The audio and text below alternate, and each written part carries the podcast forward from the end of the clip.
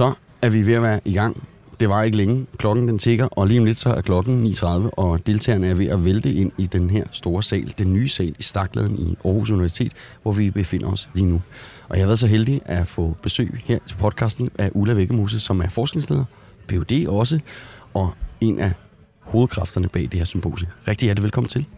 Tak skal du have. Ulla, hvad er det nye ved det her øh, forskningssymposium?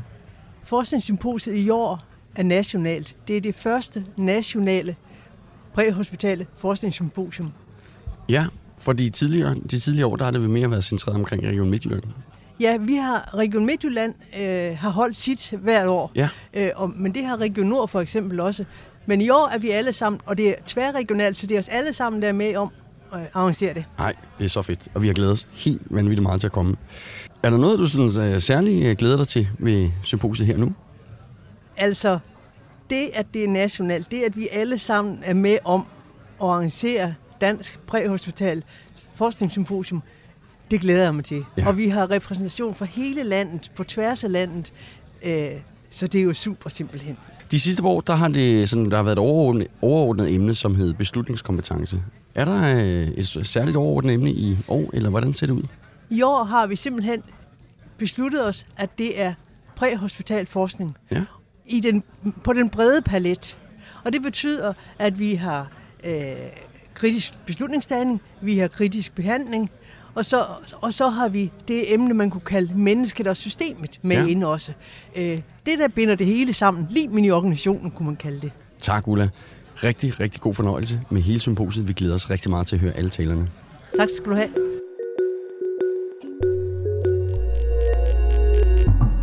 Velkommen til Fomedic Podcast med en episode, som er ved at blive en lille tradition. Og en rigtig fed en af slagsen. For igen i år så afholdes der præhospital forskningssymposium i Aarhus. Og igen i år var vi så heldige at få lov til at være med og deltage og interviewe alle talerne. Og det første, du hørte her, det var forskningsleder Ulla Vækkemose, der fortalte om det nye format, som symposiet har fået. Nemlig, at det er blevet et nationalt symposium. Men at det er blevet nationalt, det er ikke det eneste, du vil høre i den her episode af Nye Ting. For vi havde nemlig også mulighed for at medbringe vores to nye medlemmer af Fomedic til Aarhus. Claus Nielsen og Patrick Fitzgerald, som begge to er ambulancebehandlerelever i Region Hovedstaden. De var med på sidelinjen, men de blev faktisk også kastet direkte ind i kampen med at interviewe alle talerne. De blev flankeret af Martin Madsen og Marcel Karl Hø, så de kunne komme rigtig godt i gang med deres FOM-arbejde. Som Ulla indledte med, så var der ikke noget specifikt overordnet emne på symposiet, som vi har set det før, men derimod et meget varieret program, hvor der var mulighed for at høre, hvad der rører sig nationalt på forskningssiden. Og det er ikke så lidt endda. For det var nemlig et meget omfattende program med dejlig mange taler, og der var bestemt noget for enhver smag. Hvis man skulle kigge sådan lidt i krogen efter noget, der sådan var mere gennemgående i programmet, så var det ønsket og behovet for at tilføre det præhospitale flere kompetencer og arbejdsopgaver, for på den måde at kunne aflaste sygehusvæsenet. Det er der rigtig mange andre fordele i, end blot at skulle aflaste sygehusvæsenet, og det kan du høre meget mere om her i episoden. Vi skal til i gang med alle interviewsene, så endnu en gang rigtig hjertelig velkommen til Fomedic Podcast. Jeg hedder Karl Hø. Den første blok af præsentationer havde overskriften Aktuel præhospital forskning. Dagens keynote speaker var Benedikt Kærgaard. Benedikt han er overlæge og professor i eksperimentel kirurgi. Han er thoraxkirurg i Aalborg, og så er han chef for en dyre eksperimentel afdeling. Benedikt fortalte om udviklingen i hjertestopsbehandling gennem de sidste mere end 40 år. Og der findes nok ikke en eneste parmesiner her i Danmark, som ikke har lagt øre til den lune nordjyde, og set hans præsentation af sit arbejde med både grise og hjerte-lungemaskiner som en del af deres parmesineruddannelse. Jamen, velkommen til, Benedikt, og tak fordi du vil øh, deltage her lige efter du har været inde og snakke op på scenen som keynote speaker. Du har øh, lavet en præsentation, som du har kaldt Behandling af hjertestop langt fra hospital. Er vi blevet bedre? Hvad var det, du var oppe at præsentere? Jeg præsenterer jo lidt både historisk om, hvordan det var for 40 år siden, og hvordan det efterhånden er blevet betydeligt bedre øh, at blive behandlet for hjertestop. Men jeg præsenterer jo også, at der var nogle ting, vi ikke fik med, og jeg præsenterer mine tanker om, hvad der kan blive bedre i fremtiden. Jamen lad os, øh, lad os springe ned i det. Hvad kan blive bedre i fremtiden? Se, se det er jo sådan, at øh, hjertestop, det får alle jo, når man dør. Og vi kan ikke redde alle, der dør. Men der er nogle grupper, som vi i dag ikke har været nok opmærksom på, som er hyppige årsager til at dø i, lige vil sige, i utide, og det er den store lungeemboli. Ja. Og øh, hvis man ikke tænker på den i, i tide, så opdager man den jo ikke. Jeg præsenterer jo et, et par, par tilfælde, der er vellykket, men øh, jeg præsenterer jo også, at det er kun inden for de sidste to-tre år, at det bliver nævnt i guidelines for genoplevning som en mulighed at redde en person, som har, har hjertestop på grund af lungeemboli.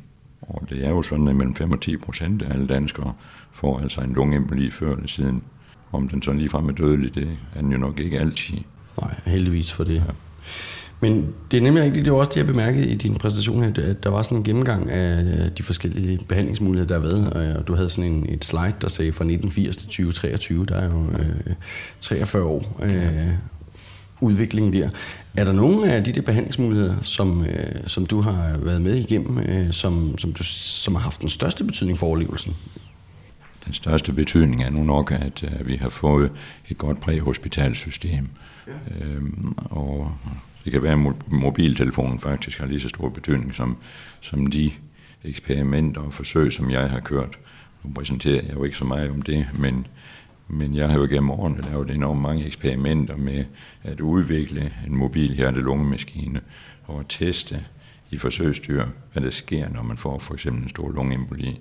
Hvad sker der inde i kroppen, og, og, og hvad kan man behandle med, og hvad er ikke så smart at behandle med som det er lige nu, der ønsker man jo egentlig at redde patienten nu netop med den her lungeemboli, som jeg nu særligt fokuserer på i dag, med først at lave cirkulation, finde ud af, hvad der er galt, og gøre noget ved det. Og øh, det der med at gøre noget ved det, det kan også være nogle kateter, man kunne føre ind gennem blodårene, og så trække den blodprop ud. Øh, det er bare ikke så nemt, som det lyder af, men øh, det har vi altså testet i stor stil på forsøgsdyr. Med god effekt, tænker ja. jeg. Ja, ja altså, men i starten med ikke så god effekt, men efterhånden er det blevet bedre og bedre. I, I har finpudset teknikkerne. Ja. Så snakker du lidt omkring uh, guidelines, og uh, måske du ikke helt var uh, helt så stor fan af guidelines. Jeg, jeg er egentlig stor fan af guidelines, så de bliver også bedre og bedre. Ja. Men det jeg ikke ønsker, det er, at guidelines de bliver brugt til at vælge nogen fra, hvis det er en behandling, man ikke endnu har ordentlig overblik over. Og det har man i hvert fald ikke med akut indledning med en mobil hjerte-lungemaskine, øh, som jo bliver kaldt en CPS for cardiopulmonal support. Det er det moderne lige nu, men det bliver også kaldt ECMO, det bliver kaldt mange ting. Men man ved ikke nok om det. Så hvis man der bruger guidelines til kun at tage dem, man næsten er sikker på, at man kan redde, så er jo helt sikkert, at der er nogen, man ikke redder. Jamen tusind tak. Har du øh, noget afslutning, du vil have, vi skal bringe videre til lytterne? Det, det glæder mig bare, at, at vi laver sådan nogle chancer som de her, ja. som gør, at folk de bliver opmærksomme på, øh, at der faktisk er nogle ting, vi ikke er gode nok til, og ting, vi kan blive bedre til. Altså det, det glæder mig, fordi det, det er jo den vej, vi gerne skal. Og der er det jo igen et, vores podcast, det er jo selvfølgelig ja, det foretrukne medie, men ellers så bliver symposiet jo også streamet, øh, ja, ja. plus at vi ser jo en deltagertilslutning, som er rigtig, rigtig stor så her i fysisk øh, i salen. Så det er rigtig, rigtig fedt. Benedikt, tusind tak, fordi du ville være med, og øh, tak fordi det indslag. Det næste taler var Sofie Charlotte Seidenfarten. Sofie er reservelæge og Ph.D., og i øjeblikket så er hun postdoc i en forskerstilling hos Præhospitalet i Region Midt. Det var et glædeligt gensyn med Sofie, som jo også var med i forskningssymposiet i 2020. Og dengang der blev hun interviewet af Morten Lindqvist, hvor hun var i de indledende stadier af hendes forskning, der dengang handlede om biomarkører til hovedtraumer. Det kan du øvrigt høre mere om i episode 38. Men ved det her års symposium, så var hun altså kommet noget længere i sin forskning og har nogle rigtig spændende resultater, som hun deler med os alle sammen. Sofie, rigtig hjertelig velkommen tilbage til podcasten, for du har jo været med før i 2020, hvor du var i gang med den spæde opstart af dit ja, PhD-projekt, som du tak. sådan set også har været med ja. øh, op på scenen og snakke om i dag. Så nu er det gået tre år, og så er jeg jo rigtig, rigtig spændt på, og det tror jeg også lytterne er på, hvor langt er vi, hvad det er blevet til. Øh, men for dem, der ikke har lyttet med tidligere, kan du så ikke prøve sådan at give en opsummering på, hvad er det egentlig, du har lavet, både dit phd projekt og hvad du så egentlig har øh, fremvist her på scenen i dag? Jo, det kan du tro, og tak fordi jeg lige må få lov at fortælle om det igen her tre år efter. Jamen, øh, jeg har jo lavet et øh, Ph.D.-projekt omkring præhospital øh, håndtering af patienter udsat for hovedtraume, ja. særligt de mildt til skadekommende og vi har været inde og kigge på, om øh, vi kan blive bedre til at finde ud af, øh, hvem af dem, der måske kunne afsluttes på skadestedet og ikke skulle hospitaliseres. øh, og hvem af dem, der har god gavn af at komme ind på et højt specialiseret center og få behandlet deres hovedtraume. Og så har jeg kortlagt epidemiologisk øh, hele hovedtraumekohorten i Danmark igennem en toårig periode, for at blive klogere på, hvem er de her patienter egentlig? Øh, hvor gamle er de? Hvordan er kønsfordelingen? Hvad for nogle sygdomme har de i forvejen? Hvad for noget medicin bruger de? Øh, hvordan kommer de egentlig til skade? Hvad er det for nogle traumer, vi skal være særligt opmærksomme på, kan udløse traumatisk hjerneskade og øh, den slags ting. Mm. Så det er det, jeg har brugt øh, tre år øh, på, øh, og det kliniske studie har jo øh, undersøgt den her protein-biomarkør, der hedder S100B til tidlig udelukkelse af interkraniel læsion. Ja, og den snakker du nemlig også meget om sidst, det må yeah. jeg jo interesseret i at høre. Hvordan er det så gået med S100B? Yeah. Men jeg vil bare kort lige øh, sådan rise op, fordi det, jeg fik med herfra, det, du, din agenda, eller i hvert fald det, du præsenterede, du mm. havde fire punkter, som øh, punkt 1 var præhospital triage af traumatiske hjerneskader. Og punkt 2, den optimale biomarkør. 3. Biomarkør til tidlig diagnostik af hjernetraumer. Og slutligt fremtidens biomarkør. Mm. Skal vi tage dem en af gangen? Lad os gøre det. Præhospital triage af traumatiske hjerneskader. Ja. Svær opgave. Ja. Meget svær opgave.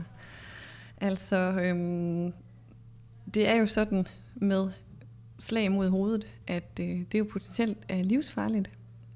Og der er mange folk, der slår hovedet hver dag. Det kan jo være små skrammer, cykelstyrt øh, i højere eller mindre grad. Det kan også være højenergitraumer.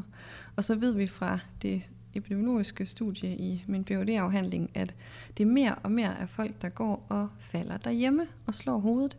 Simpelthen fald fra egen øh, højde. Ja. Så den der sådan klassiske forståelse af, at hovedtraume det er en bilist, og der er sådan en stjerneformet markering op i forruden, og der har de selvfølgelig slået hovedet det, det, er ikke, øh, det er ikke længere den sandhed, vi kan, øh, kan gå efter. Så billedet har ændret sig, og derfor har øh, identifikationen af, hvad for nogle patienter, der skal mistænkes for at bløde ind i hovedet efter et øh, traume, den har jo også øh, ændret sig. Og indtil nu, så har vi jo brugt Glasgow Coma scoren sådan ret hardcore til at inddele dem i mild, moderat og svært hovedtraume. Øhm, og det er der også en delvis sandhed i, uanfægtet, at hvis det er mig, der laver scoren, så kan det være, at jeg trækker fra for nogle point, og hvis det er dig, der laver scoren, så kan det være, at du trækker fra for nogle andre point. Og hvis man så placerer sig lige i sådan en gråzone omkring de der 8, 9, Glasgow Score 7, 8, 9, jamen, hvad skal man så? Ja. Skal man til det store hospital, eller skal man bare til det nærmeste hospital? Øhm, og der kunne vi godt tænke os at komme ind med et lidt mere objektivt mål for skade på hjernen. Ja. For eksempel en biomarkør. Ja. ja, så det har vi kigget lidt ind i. Øhm, ja. Og ja. det var så det næste punkt jo, mm. den optimale biomarkør, hvor ja. så var S100B, ja. du snakker om. Ja, altså øhm, biomarkører generelt til præhospitalbrug, de skal kunne nogle andre og flere ting end øh, de biomarkører, man kan bruge inde på hospitalerne. Fordi ja. det er nogle andre omstændigheder, vi, øh, vi arbejder øh, under. Ja.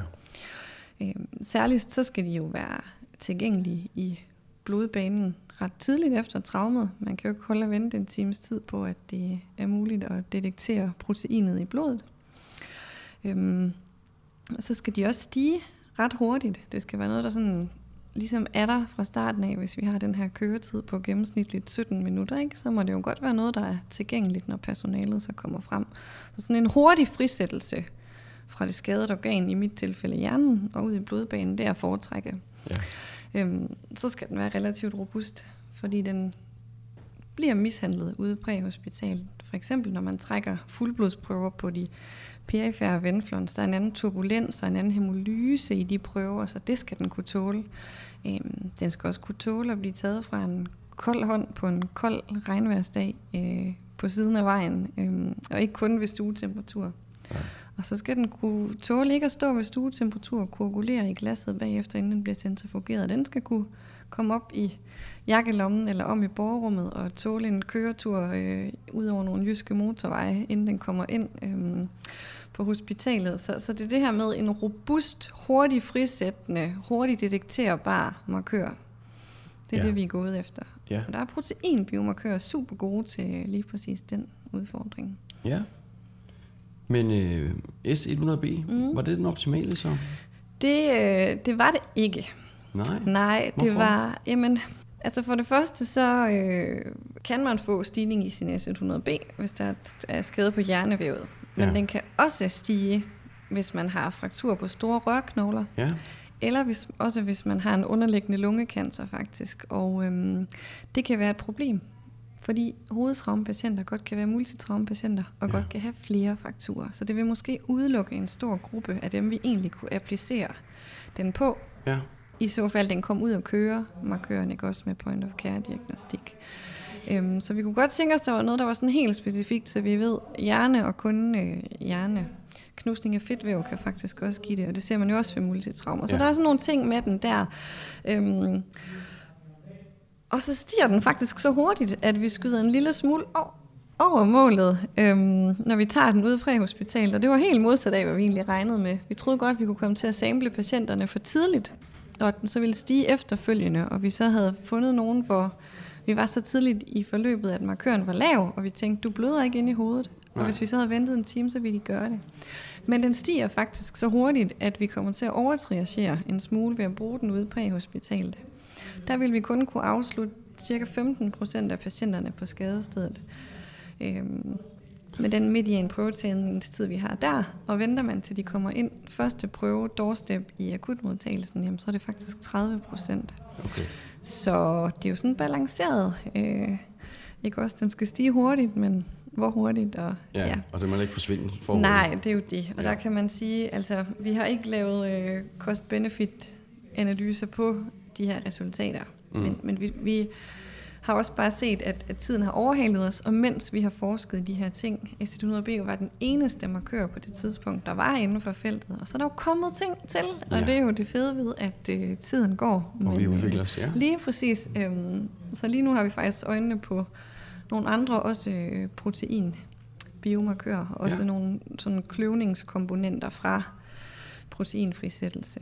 Vi Ja, og der var jo noget, øh, noget rigtig fedt allerede ved det, fordi det, Det vi snak, det du snakkede med Morten om sidst for, for tre år siden, mm. det var, at der ikke var kommet en point of care øh, Ja. udstyr, Ja. som man kunne have ud.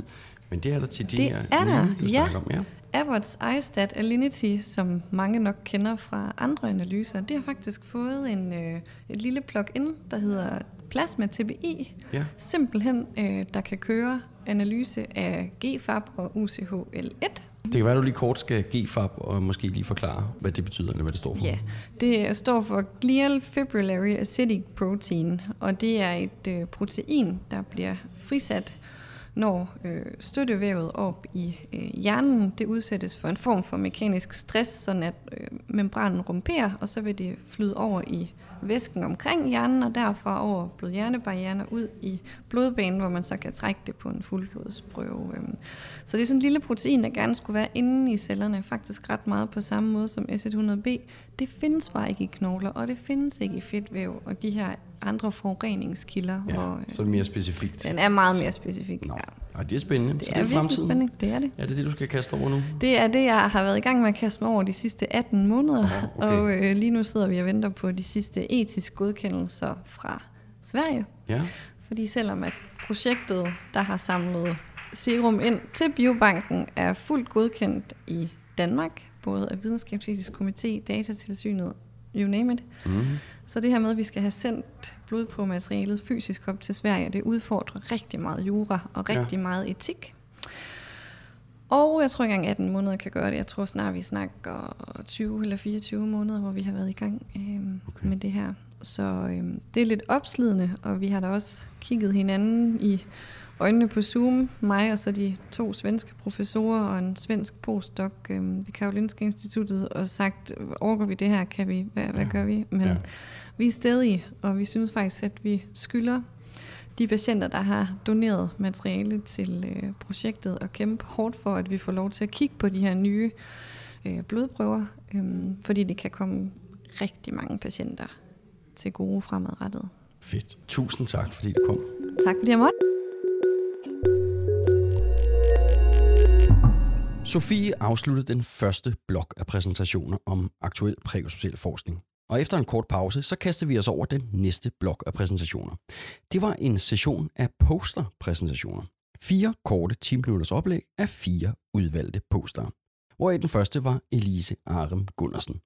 Elise hun er reservelæge ved Operation og Intensiv i Viborg. Hun forsker ved Præhospitalet i Region Midtjylland, og hun præsenterede sit Prelude-studie, som handler om præhospital diagnostik af akut hjertesvigt. Hun har blandt andet undersøgt, om brug af ultralyd kan forbedre diagnostikken. Martin Madsen fangede hende efter hendes præstation og spurgte ind til, hvad den forskning, de har lavet, egentlig viste. Vores studie det viser, at øh, ved at bruge ultralyd øh, af hjerte og lunger præhospital, så får man en mere nøjagtig øh, diagnostik af vores patienter præhospital. Altså vi er både bedre til at sige, altså, hvem der har hjertesvigt, og hvem der også ikke har hjertesvigt. Øh, og det er heller ikke bare kun hjertesvigt, men det er også øh, andre øh, kardiopulmonale altså tilstande, som, som altså akut forværing i kol, astma øh, og pneumoni for eksempel blandt andet. Mm. Mm.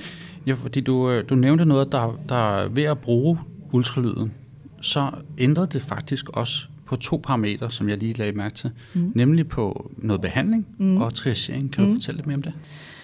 Ja, altså det vi har, øh, det vi spurgte øh, vores læger, der inkluderede patienter til projektet, det var om altså det øh, at bruge ultralyden, om det ændrede noget, øh, mens de stod derude med patienterne. Og det de rapporterede så hos øh, 30 procent af patienterne var, at øh, patienterne fik en anden behandling som følge af det, de fandt med ultralyd.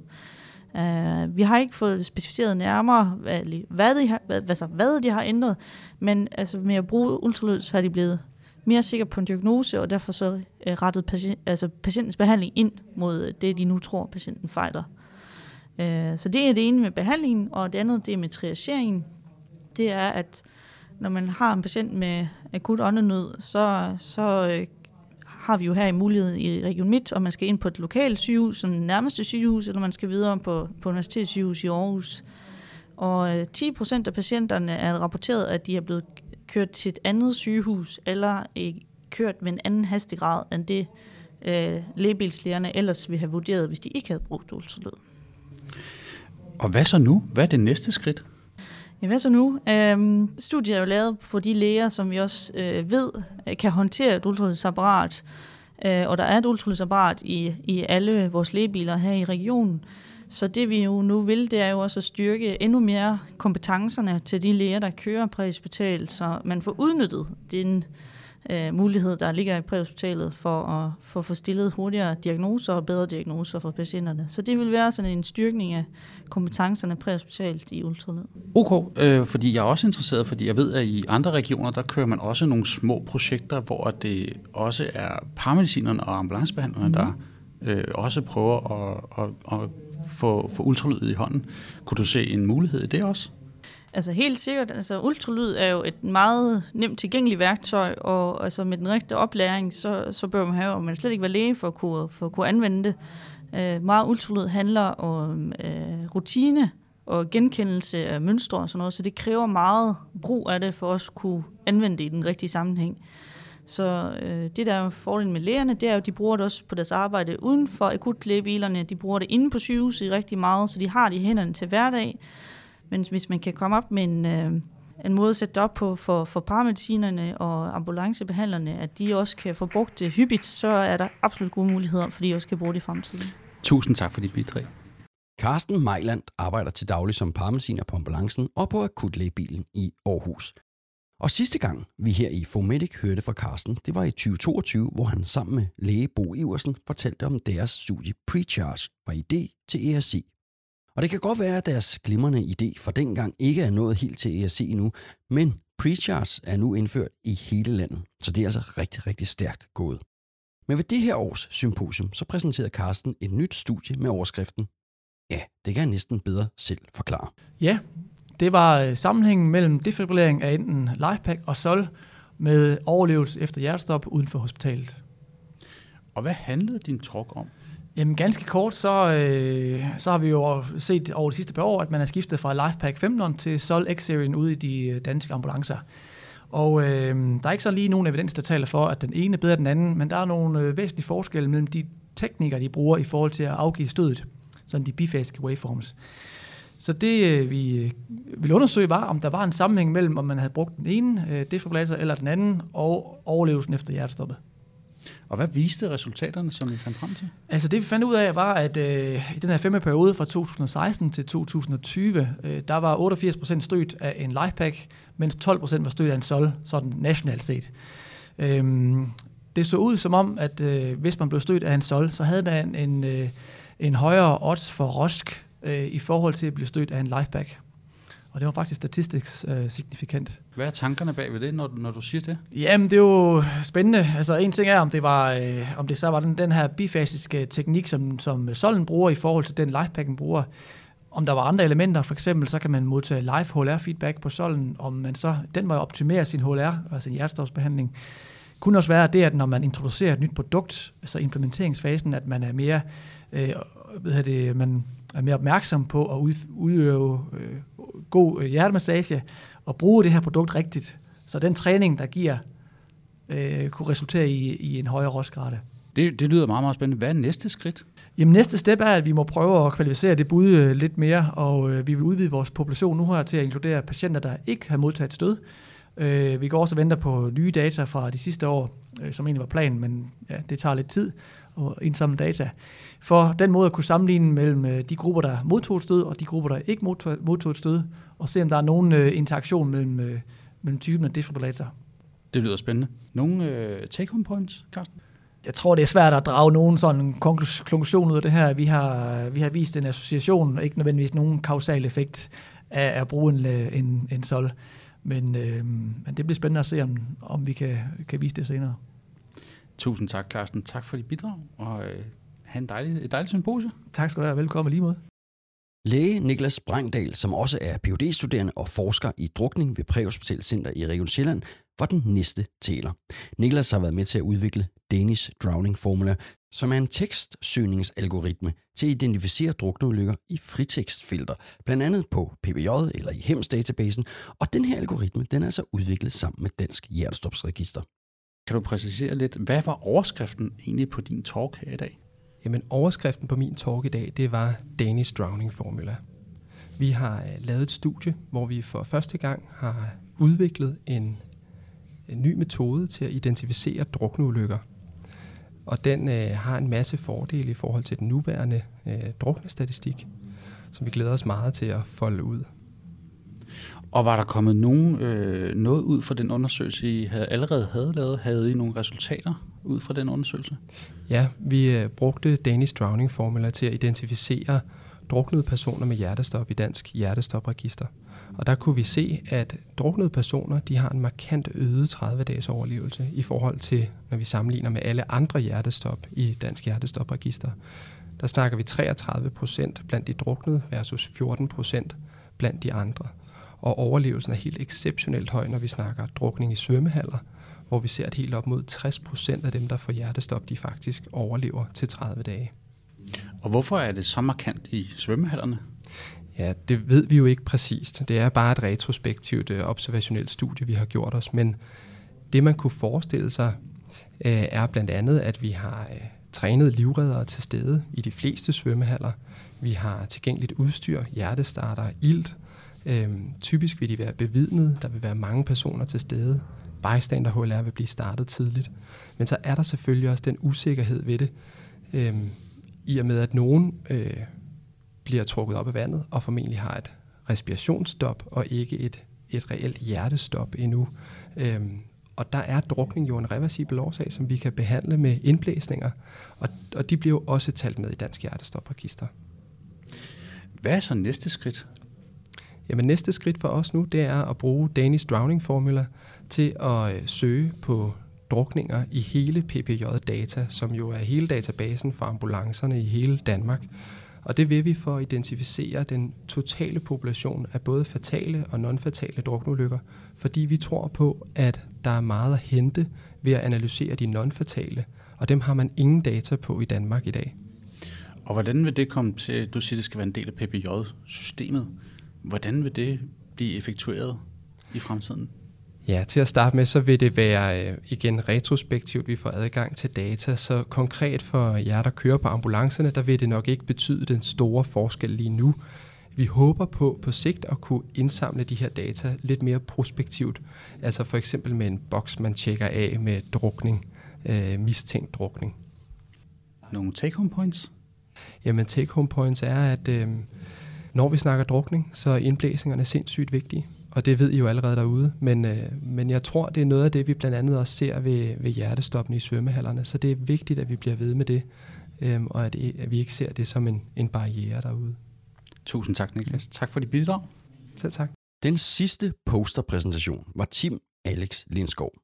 Tim er seniorforsker ved Center for Præhospital Akutforskning i Aalborg. Han har en baggrund som sygeplejerske, og så har han en kandidat i klinisk videnskab og teknologi. Og så krydder han i øvrigt sit CV med en Ph.D.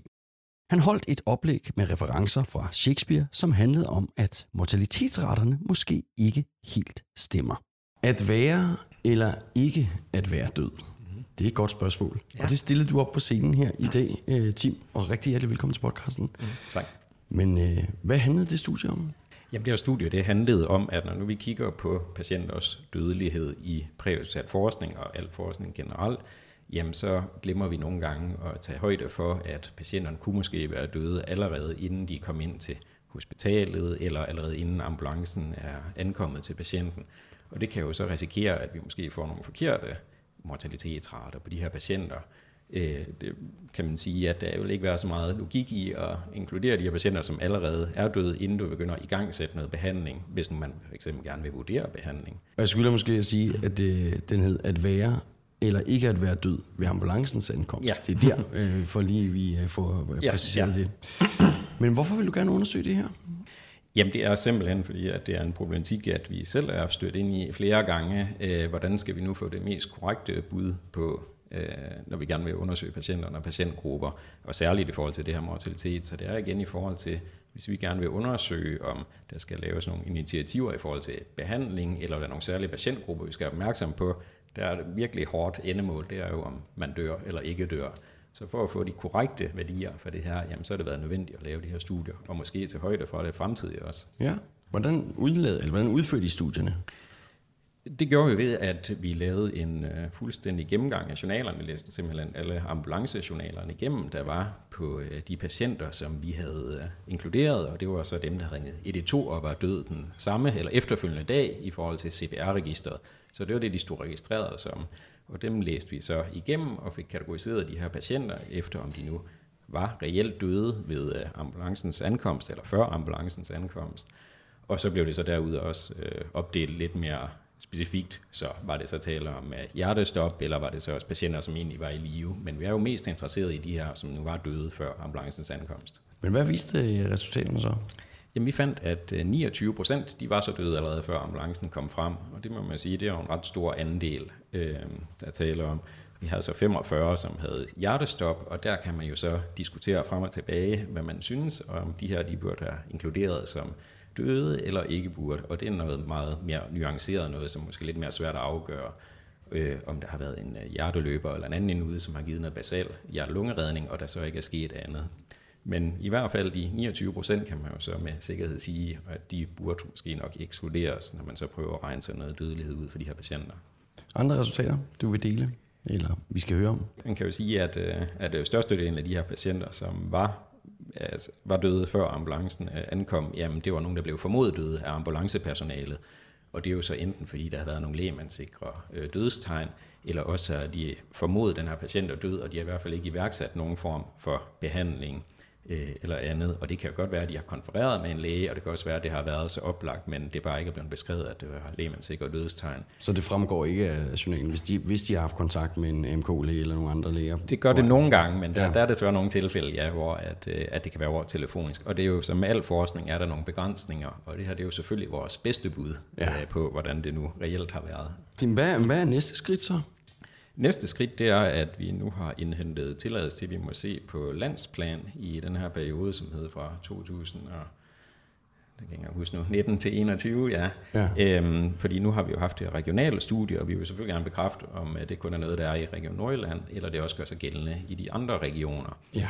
Så der er øh, indhentet tilladelse til at kan få de her præhospitale patientjournaler, og vi er øjeblikket i gang med aftaler, så er selvfølgelig med regionerne, øh, om de har lyst til at være med os i det her. Ja. Fordi det er jo altid bedst, når vi kan lave noget landsdækkende forskning, og nu har vi den her unikke situation med den præhospitale patientjournal. Den er en til hele landet, og det skal vi selvfølgelig udnytte, så vi kan sige noget meget stærkere, end hvis vi gør det hver for sig selv. Ja, det gør det meget nemmere at trække data generelt. Jo, ikke? Så, Jamen, det gør det, lige præcis. Ikke Og kun det for er- jeres, men også for sådan forskning generelt på det præhospitale. Jamen lige præcis. det- Og det er jo altid rart at kunne udtale sammen noget som en uh, hel nation, i stedet for en enkelt del af det her. Tusind tak, fordi du ville være med til. Ja, det var så lidt, ja. Lige over middag så ændrede symposiet karakter fra, hvad vi har set tidligere. For nu kørte der nemlig tre parallelle sessioner, hvor deltagerne så kunne vælge imellem mange spændende præsentationer i tre forskellige lokaler. Den første parallelle session havde den samlede overskrift Akut præhospital hjerteforskning, og den første taler i den her session hed Mads Gregers. Mads er læge og phd studerende i Region Hovedstadens akutberedskab, og så har han lige afleveret sin Ph.D., der handler om hjerteløbeordningen. Mads blev interviewet af Patrick Fitzgerald, som jo er den nyeste skud på Fomedic-stammen. Du har også lige været inde og give en øh, præsentation, uh, Mads.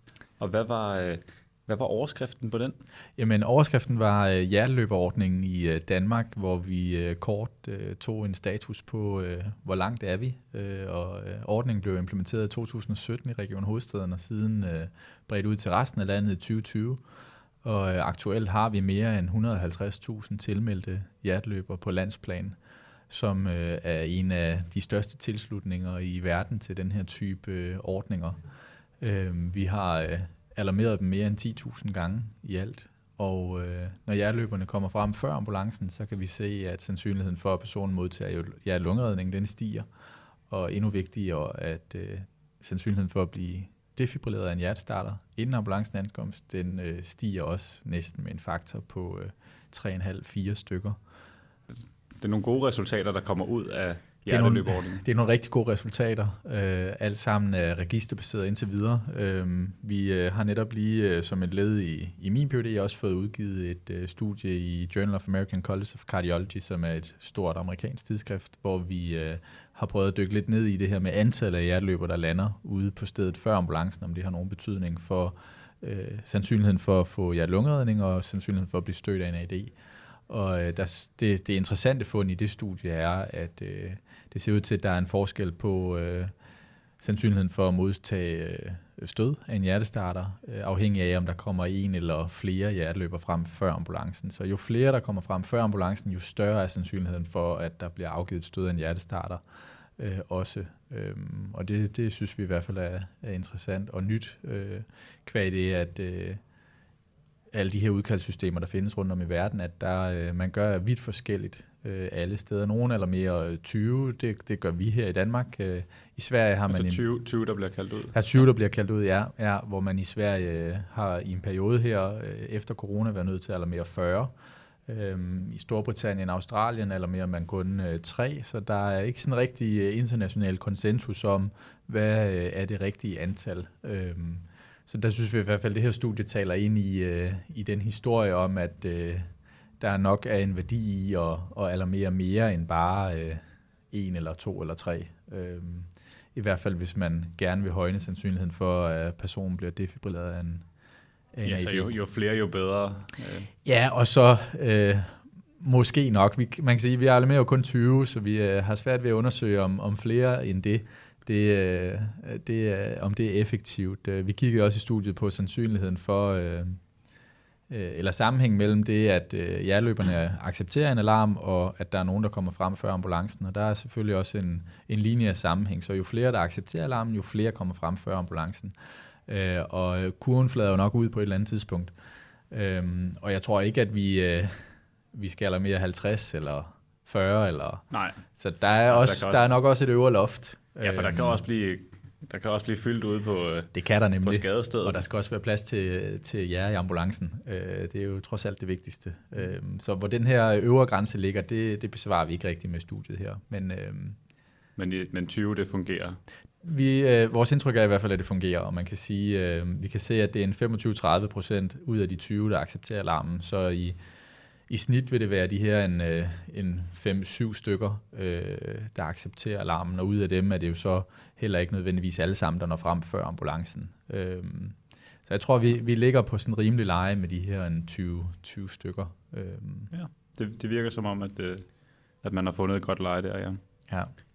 Ja, Der kom bare et meget godt spørgsmål ind til sessionen, som jeg tænker, jeg også lige vil stille. Ja.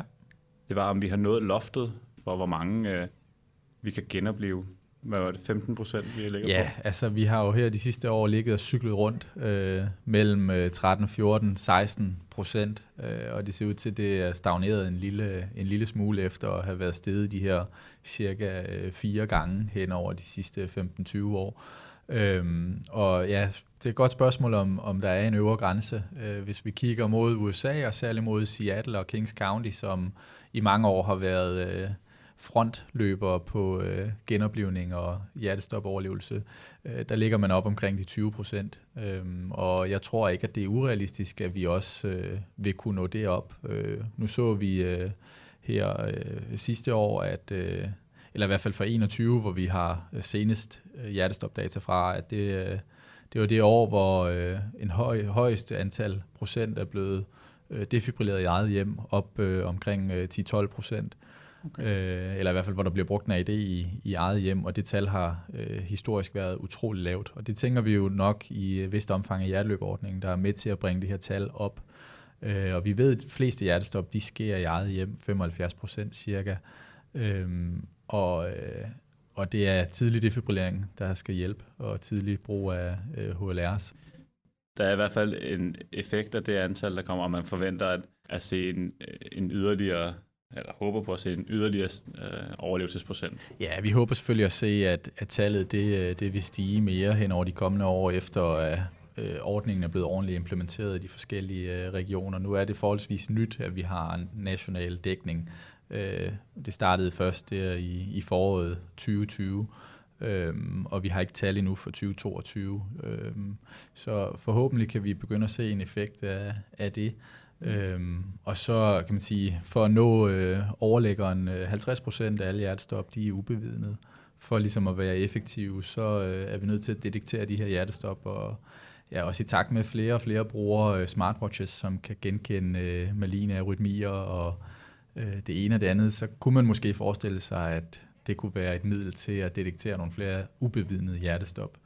Øh, sådan en lidt en futuristisk tanke, men øh, hvis vi skal øh, tænke teknologisk, så var det da i hvert fald en mulighed. Øh, så jeg tror, at overlæggeren den er, øh, den, er, den er nok lidt højere, end hvor vi er øh, lige nu, og forhåbentlig så øh, bevæger vi os øh, lidt højere øh, i fremtiden. I parallel session 1, der hørte vi også et oplæg fra Gauri Mørk. Gauri er hoveduddannelseslæge i kardiologi og Ph.D. for afdelingen for hjertesygdom på Aarhus Universitetshospital. Hendes oplæg handler om hjerte til patienter, der ikke responderer på konventionel hjerte når de har hjertestop uden for hospitalet. Igen er det Patrick, der interviewer, og her dykker han direkte ned i Gauris forskning og resultaterne af den. Hvad, hvad viste den forskning? Det vi kunne se i uh, mit studie, det var, at vi lavede et nationalt uh, øh, observationelt studie, hvor vi kiggede på, hvor mange patienter vi havde lagt på ECMO og visiteret på de fire hjertecentre. Og der kunne vi se, at en fjerdedel af dem, vi lægger på, overlever med et godt neurologisk øh, outcome hvilket er øh, globalt set en ret pænt øh, antal. Det vi også kunne se i vores studie, det var, at vi var faktisk ikke så gode til at selektere øh, patienterne. Så hvis vi skal optimere de tal, og det kan vi formentlig godt, så skal vi være bedre til at selektere dem. Derudover så skal vi også øh, træne vores præhospital til at bedre identificere patienterne i de her hektiske momenter øh, præhospital. Og så skal vi også øh, prøve at reducere low flow tiden når de kommer ind på sygehuset. Og det synes jeg jo netop er, er interessant. Vi er jo primært mindet på det præhospital. Hvornår er det et godt værktøj at bruge ude i den, i den skarpe ende, kunne jeg sige? Det er jo et meget godt spørgsmål, fordi man skal også huske, at det, der egentlig øh, øger overlevelsen hos de her patienter, det er den konventionelle behandling. Så hvor længe skal man egentlig vente, og skal man risikere at transportere patienter, som er så kritisk syge til et hospital? Alternativt så skal man overveje det, pariserne gør, at lægge dem på ECMO præhospital. Men det er sådan noget, vi igen skal kigge lidt nærmere på i data, hvad der kan lade sig gøre og hvad der ikke kan lade sig gøre. Øh, men ECMO er helt klart en behandling til en selekteret øh, gruppe, som ikke responderer på konventionel hjertelungredning. Og har du nogle afsluttende øh, kommentarer, take-home points? Det er meget vigtigt, når man bruger så ressourcekrævende interventioner, at man øh, har øh, den høje bystanderrate, vi har i Danmark. Øh, det betyder ekstremt meget, fordi uden den, så vil ECMO-behandling ikke virke, ligesom køling heller ikke virker på de her patienter, eller øh, akut koronarangiografi. Så det er enormt vigtigt, at det præhospitale indsats er helt i top, før vi kan begynde at introducere øh, meget ressourcekrævende interventioner. Ja, så det bliver spændende at se, hvad, hvad fremtiden bringer på det punkt. Mange tak for din tid. Velbekomme. Parallel session nummer to havde overskriften Hyppige, men oversete patientgrupper. Dem er der jo flere af, men til symposiets parallelstation nummer 2, der brugte man kol som eksempel. Der var tre talere på scenen, blandt andet Nina Ibsen, der er læge. Ninas præsentation hed Barriere for implementering af non-invasiv ventilation præhospitalt. Og lige efter hun havde været på scenen, så var det ledende overlæge og lektor Jens O. Pedersen. Jens O. han fortalte om præhospital brug af non-invasiv ventilation ved akut respirationssvigt som følge af kol i akut forværing. Nina og Jens Åge havde desværre meget travlt og kunne desværre ikke nå at dele deres oplæg med alle jer derude ved højtalerne. Men frygt ej, for sessionens første taler, Erika Christensen, lyttede rigtig godt efter og kunne her sammen med Martin Madsen både fortælle om sit eget oplæg og give en kort gennemgang af Ninas og Jens Åges oplæg. Erika er anestesilæge og professor i præhospital akutmedicin, og det er hende, der har bragt det overordnede emne, hyppige, men overset patientgrupper, på dagens program. Vi var jo inde til sådan et, øh, en parallel session, blev det kaldt, øh, hvor at øh, det overordnede emne, det var øh, hyppige, men oversete patientgrupper. Hvad handlede det om? Det handlede om de patienter, som ikke har haft så meget opmærksomhed. Fordi dem, vi tænker meget på, når vi er ude i præhospitalet, det er jo dem med de der akutte livstruende tilstand, hjertestop, de alvorlige ulykker, blodprop i hjertet og blodprop i hjernen. Og vi har også en, bare en vej, de skal ind af, og et forløb, der bare kører meget tunet. Men de udgør faktisk kun 15, maks 20 procent af alle dem, der ringer 112. Alle de andre, de fejler mange forskellige ting. Og hvis jeg skal sådan tage to store grupper, så er der øh, dem med vejrtrækningsbesvær og eller lungesygdom, for det er ikke nødvendigvis det samme. Og så dem, der ringer, så, så man kan ikke helt finde ud af, hvad, egentlig det, hvad er det egentlig det alvorligste problem er her. Og tilsvarende også nogen, der får nogle diagnoser, der er sådan lidt brystsmerter af anden årsag og sådan noget. Og de der to grupper, de fylder faktisk ret meget. Så er der også dem med psykiatrisk komorbiditet. Det havde vi jo foredrag om allerede i formiddags. Og så hele det med de ældre og dem, der har mange sygdomme og alt sådan noget. Men de er også inkluderet dem, jeg nævnte der i starten. Så det er de der patientgrupper, dem med, og så havde vi så specielt fokus på dem med vejrtrækningsbesvær og kol, specielt kol, som jo er en gruppe af dem, der har vejrtrækningsbesvær i den der station. Og det synes jeg var rigtig, rigtig godt, fordi de har altså, det har ligesom ikke været så smart øh, at beskæftige sig med dem. Nej, jeg kunne virkelig godt lide din, øh, din, din sammenligning med The Fabulous Four, altså fra The Beatles, ja. og så, så øh, det var de få, nemlig det var de fire sexede, og så ja. var der Rolling Stones, som var de sidste, de, det var præcis. 85 procent, ja, præcis. som de jo faktisk fulgte. Ja. Øhm, så, så det var virkelig en god sammenligning. Øhm, og, og det her, der var også, du viste en graf på et tidspunkt, hvor, at, øh, hvor du sammenlignede sygdom øh, med dødeligheden, øh, hvor øh, i forhold til de her fire sexede områder kontra de usexede områder. Kan du fortælle lidt mere om ja. det? Altså, øh, når man ringer i det to, så øh, registrerer man jo, hvad er det, vi tror, det her det handler om. Og dem, som er dybt bevidstløse, og hvor der altså er mistanke om hjertestop, det er jo ikke sikkert, de har det. Det er klart den gruppe, der har den højeste dødelighed. Det siger sig selv, altså efter øh, de første 30 dage, det sker allerede første dag, men så efter 30 dage, den øh, er omkring 40 procent. Men som nummer to, så kommer vejrtrækningsbesvær faktisk. Og jeg er ikke sikker på, at jeg lige kan huske dødeligheden sådan. Jo, den ligger omkring de der 15-20 procent, det varierer lidt. Og så derefter så kommer faktisk dem, der ringer lidt uklare symptom, med sådan 7-8 procent i dødelighed efter 30 dage. Og først derefter kommer dem, vi hele tiden tænker på, dem med brystsmerter og dem med mulig stroke. Øh, så, så når man ser på symptomet, så er det klart, at de andre der, de er meget farlige. Så skal jeg sige, altså det at have, have vejrtrængsbesvær kan også være det første symptom på noget, der udvikler sig til hjertestop mm-hmm. eller blodprop i hjerte. Men vi skal ligesom have de der symptomer meget mere frem og betragte dem som farsignaler også, og ikke kun de klassiske brystsmerter og halvsidige lammelser og hvad vi ellers kigger efter. Ja, fordi noget af det, som du også øh, lagde væk på, det var, at vi som fagpersoner, vi faktisk havde en tendens til at undervurdere ja. Det, ja. at patienten følte sig dysnøsk eller ja, svært. præcis. Altså for eksempel, øh, vi scorer jo altid patienter, der har ondt. Vi vil vide, hvor ondt på en skala fra 0 til 10 har du, og så ser vi, når vi giver smertestillende medicin, hjælper det. Fordi det er faktisk det, vi også er til for, det er for at lindre patientens symptomer. Men det har ikke rigtig vundet udbredelse endnu for patienter med vejrtrængsbesvær, og der burde vi jo gøre det samme. Vi har så gjort det i Region Nordjylland. En af mine phd studerende har gjort det.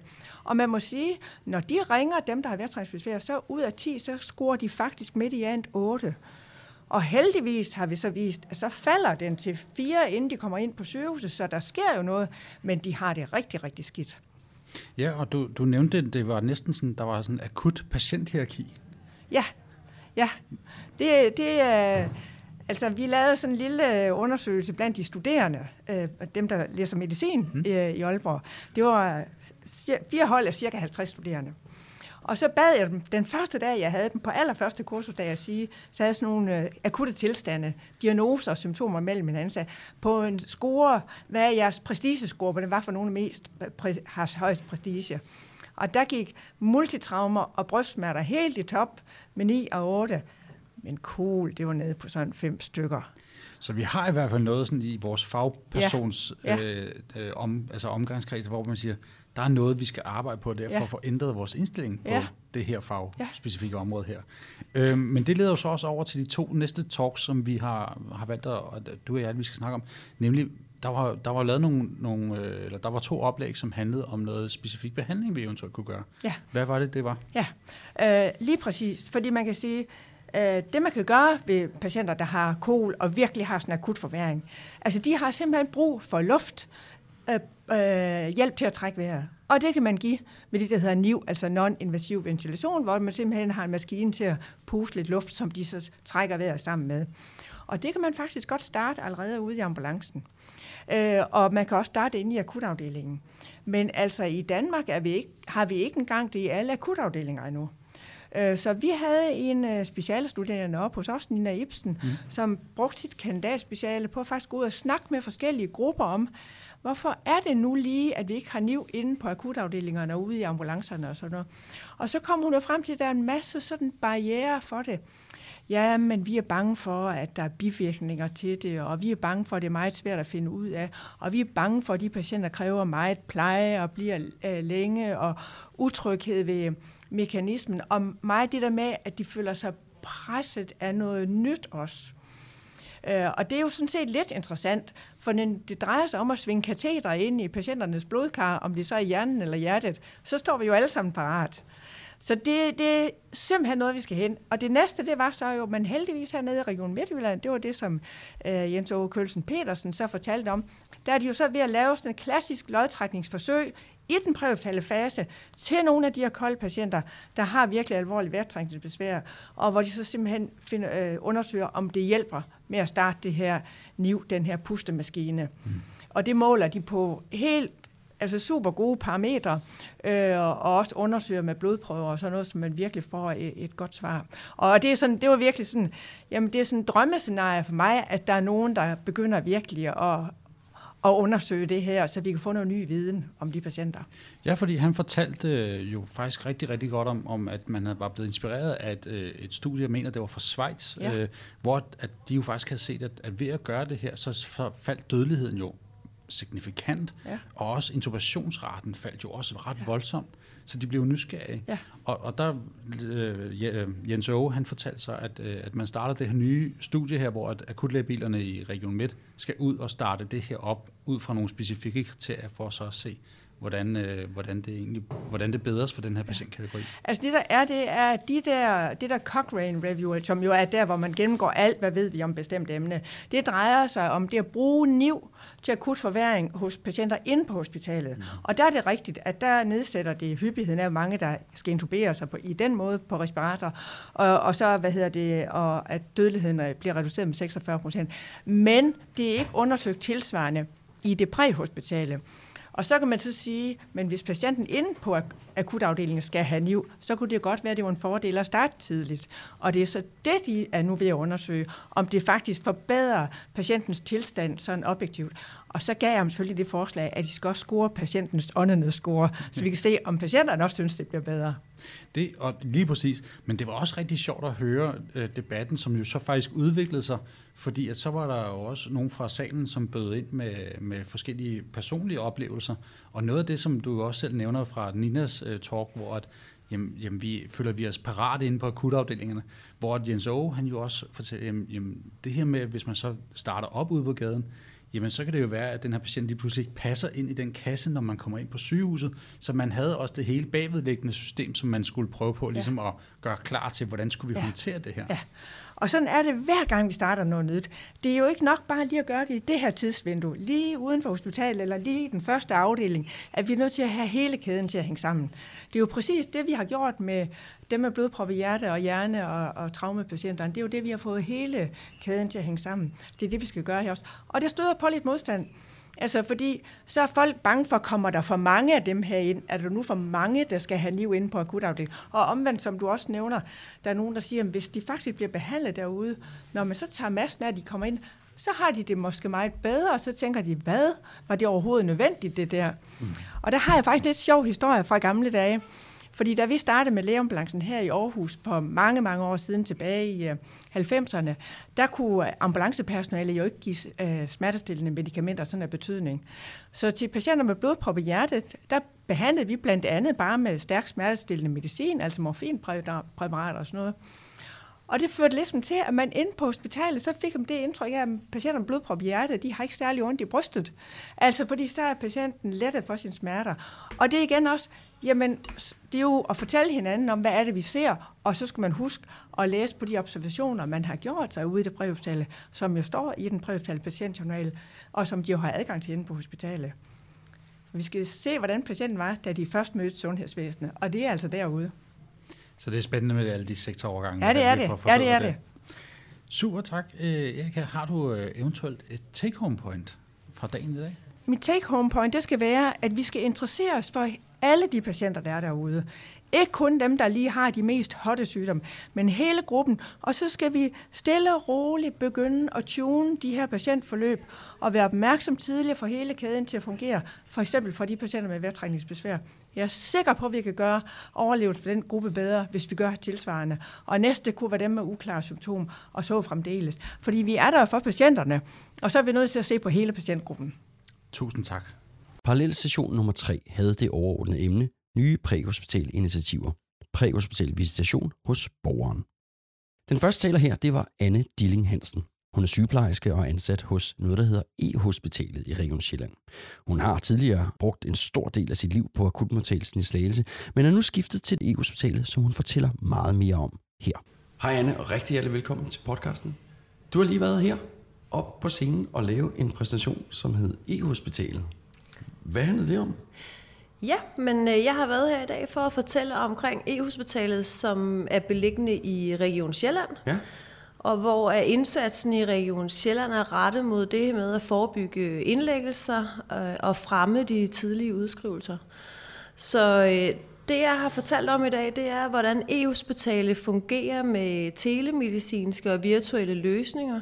Det handler om at øh, få patienterne behandlet i eget hjem. Ja. Så de løsninger, vi anvender, det er, at vi har ansat læger. Vi kalder dem e-hospitallæger, og så har vi også ansat e-hospital sygeplejersker. Ja. Øh, hele grundprincippet i det er, at vi har nogle visitationskriterier på øh, patienter, som kan blive indlagt i e-hospitalet. Det er med visitation fra sygehusene, det er læge til læge, vi har vores læge, som er på arbejde døgnets 24 timer. Mm. Han sidder og vurderer ud fra visitationskriterierne, om patienten er egnet til at kunne behandles i eget hjem. De grundlæggende øh, visitationskriterier, det er, at det hedder over 18 år. Det hedder, at man er bosat i Region Sjælland, og det hedder, at man, at man øh, har brug for en eller anden form for behandling, der kan varetages i hjemmet. Ja. Øh, det er jo selvfølgelig en stabil patient, der skal have fortsat sin behandling i hjemmet. Øh, det er også med en begrænset, inden for en begrænset behandlingstid. Øh, det skal også være med et... Øh, det er også med udsigt til, at det her det bliver ukompliceret forløb. Altså en stabil patient. Øh, der bliver visiteret ved læge til læge fra sygehusene, som har fået vist de her kriterier. Det er jo D4-instrukser, vi øh, samarbejder omkring. Ja, øh, som er jeres regionale instrukskartotek, eller ja, hvad man skal sige. Ja, lige præcis. Ja. Øhm, det kan også være fra, fra, øh, fra 112, ja. fra MK-lægerne der. Det er fra vagtlæger, det er fra praktiserende læger. Det her, det er en, en organisation, der er under udvikling. Så vi ja. støder selvfølgelig stadigvæk på, at at nogle læger ikke kender til os endnu. Men, øh, men det gør vi jo rigtig, rigtig meget ud af at udbrede den her viden omkring os, og, øh, og, og tage rundt og, og fortælle omkring os. Ja. Hvis vi så i E-hospitalet alene siger, at det, det vil vi gerne tage et behandlingsansvar for at behandle den her patient i hjemmet, så, så forsøger vores sygeplejersker at ringe ud til kommunens, ofte er det visiterende i kommunen, Ja. for at høre, jamen har de kapacitet til at yde behandlingen fra kommunal personale og så til, til i hjemmet. Øhm, det er sådan, at vi i Region Sjælland har lavet det, vi kalder en IV-aftale. Vi har 17 kommuner i Region Sjælland, og de 14 af dem har på nuværende sagt ja tak til at være med i IV-aftalen. Ja. Så går samarbejdet omkring, øh, at vi beholder et behandlingsansvar øh, hos den her læge. Øh, han er til rådighed for kommunens personale døgnets 24 timer. Mm. De kan i dagtiden ind til kl. 20 om aftenen ringe til vores e-sygeplejersker, kalder vi dem, og blive rådgivet, hvis der er en vejledning, eller hvis der er nogle blandingsutensilier, som man måske ikke har stødt på før som kommunal personale. Så det er primært Øh, for, altså det er ikke patienterne, der ringer til sygeplejerskerne, men, men mere, øh, hvad skal man sige, samarbejdspartnerne i Det er kommunen. sammen, lige umiddelbart i det her er det samarbejdspartnerne. Ja. Øhm, hvis øh, kommunens personale har, øh, har ressourcer til at varetage behandlingen derude, så, så siger de ja tak. Det kan vi godt yde den her behandling, maks gange tre i, døgnet. Øh, det kan også være, at de indimellem er ressourcemæssigt udfordret og siger, at vi har ikke nogen sygeplejersker de næste to aftenvagter. Ja. Så er det, at vi under E-hospitalet har ansat det, vi kalder de mobile behandlingsenheder. Det er en gruppe af sygeplejersker, som øh, kører i udekørende enheder, og hvis formål er at understøtte kommunerne øh, i den her behandlingsydelse. Så, så prøver vi at kigge på, om vi har ressourcer med, med dem, der er på arbejde den pågældende dag til at give den her behandling om aftenen, eller øh, sådan så tingene kan lade sig gøre. Sådan så det ender med, at den her, det her tilbud, som, som, øh, som patienten reelt kan få ved at blive behandlet i eget hjem, overhovedet kan lade sig gøre. Øh, De mobile behandlingsenheder, vi har jo trods alt nogle kommuner, som endnu ikke er med i IV-aftalen. Det håber vi jo meget, de har lyst til Ja. på et tidspunkt, men hvor at vi i de kommuner øh, indimellem tager et behandlingsansvar, men så er det vores egne mobile behandlingsenheder, der, der behandler øh, de her patienter i de kommuner. Ja. Der er selvfølgelig stadigvæk øh, øh, patienter, der bliver behandlet i hjemmet, hvor at, øh, hvor, hvor at øh, ansvaret, øh, hvad hedder det, behandlingsansvaret ligger på specialafdelinger. Ja. Det er ofte onkologiske eller hematologiske afdelinger, og det giver rigtig god mening. Det skal der slet ikke ændres på. Øh, Det her, det er den almene medicinske patient med dehydrering og ofte infektioner. Man kan kalde det lidt simple infektioner, for det er stabile patienter. Ja. Vi skal jo tænke over, at, at, at øh, det her det er jo for at forhindre en sygehusindlæggelse. Ja. Øh, og, og det vi, vi ligesom yder også, det er, at, at øh, indimellem går, går det ikke den rigtige vej. Og øh, så kan det ende med en sygehusindlæggelse. Ja. Øh, så, så grundlæggende handler det om rigtig mange ting med at understøtte kommunerne og beholde et behandlingsansvar. Og det, der er rigtig, rigtig god pointe i det her, det er, at øh, sygeplejerskerne ude for kommunen har mulighed for at få fat på en læge døgnets 24 timer. Ja. Der er afprøvet rigtig mange ting med at, at sende behandlingerne ud i, i hjemmet. Men det har været svært for praktiserende læger. De går hjem kl. 16. Ja. Øh, Så kommunens personale har jo ofte ikke kunne få fat på nogen anden, så kan de ringe til vagtlæge, og han kender ikke til den pågældende patient. Der har også været kigget på det her med, at akutmodtagelserne kunne beholde et behandlingsansvar. Akutmodtagelserne rundt omkring i regioner i hele Danmark er presset, øh, så det kan være... Skal de også allokere nogle ressourcer til det, ikke? Altså, Det kræver rigtig mange Ja, ja, det ressourcer. det. Så her har vi den her for mig fantastiske indsats med, at vi faktisk har en læge, der føler et ansvar og har et ansvar ja. øh, og kender til den her patient. Vi har et kæmpe, må jeg lige runde den her, Ja, den, øh, vi har et kæmpe samarbejde med, med det præhospitale, fordi at Region Sjælland jo har overtaget lægevagtsopgaven. Ja. Øh, og derunder har vi jo, at paramedicinerne kører for lægevagten, og på nogle tider af døgnet om natten øh, kører de alene derud. Paramedicinerne, for at hindre indlæggelse, har vi i under E-hospitalet kompetenceudviklet til at kunne give antibiotisk behandling. Ja.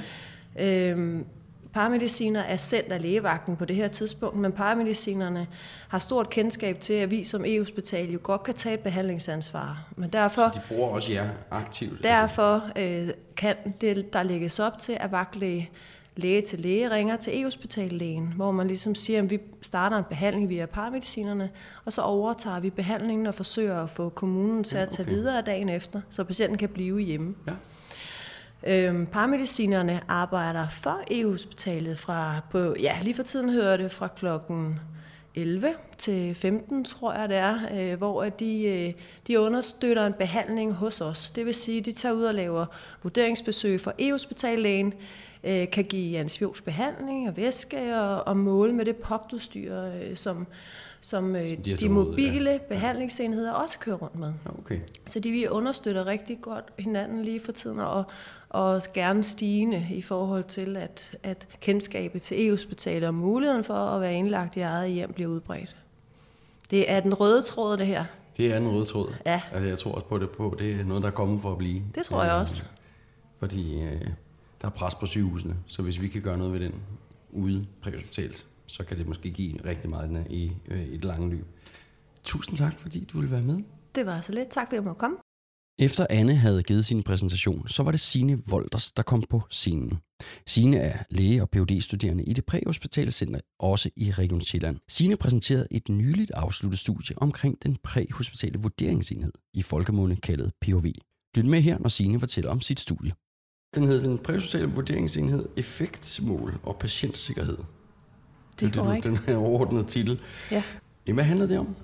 Jamen, det handler om, at man i Region Sjælland tilbage i 21 implementerede den præhospitale vurderingsenhed, PHV'en, Ja. øhm, som et nyt tiltag.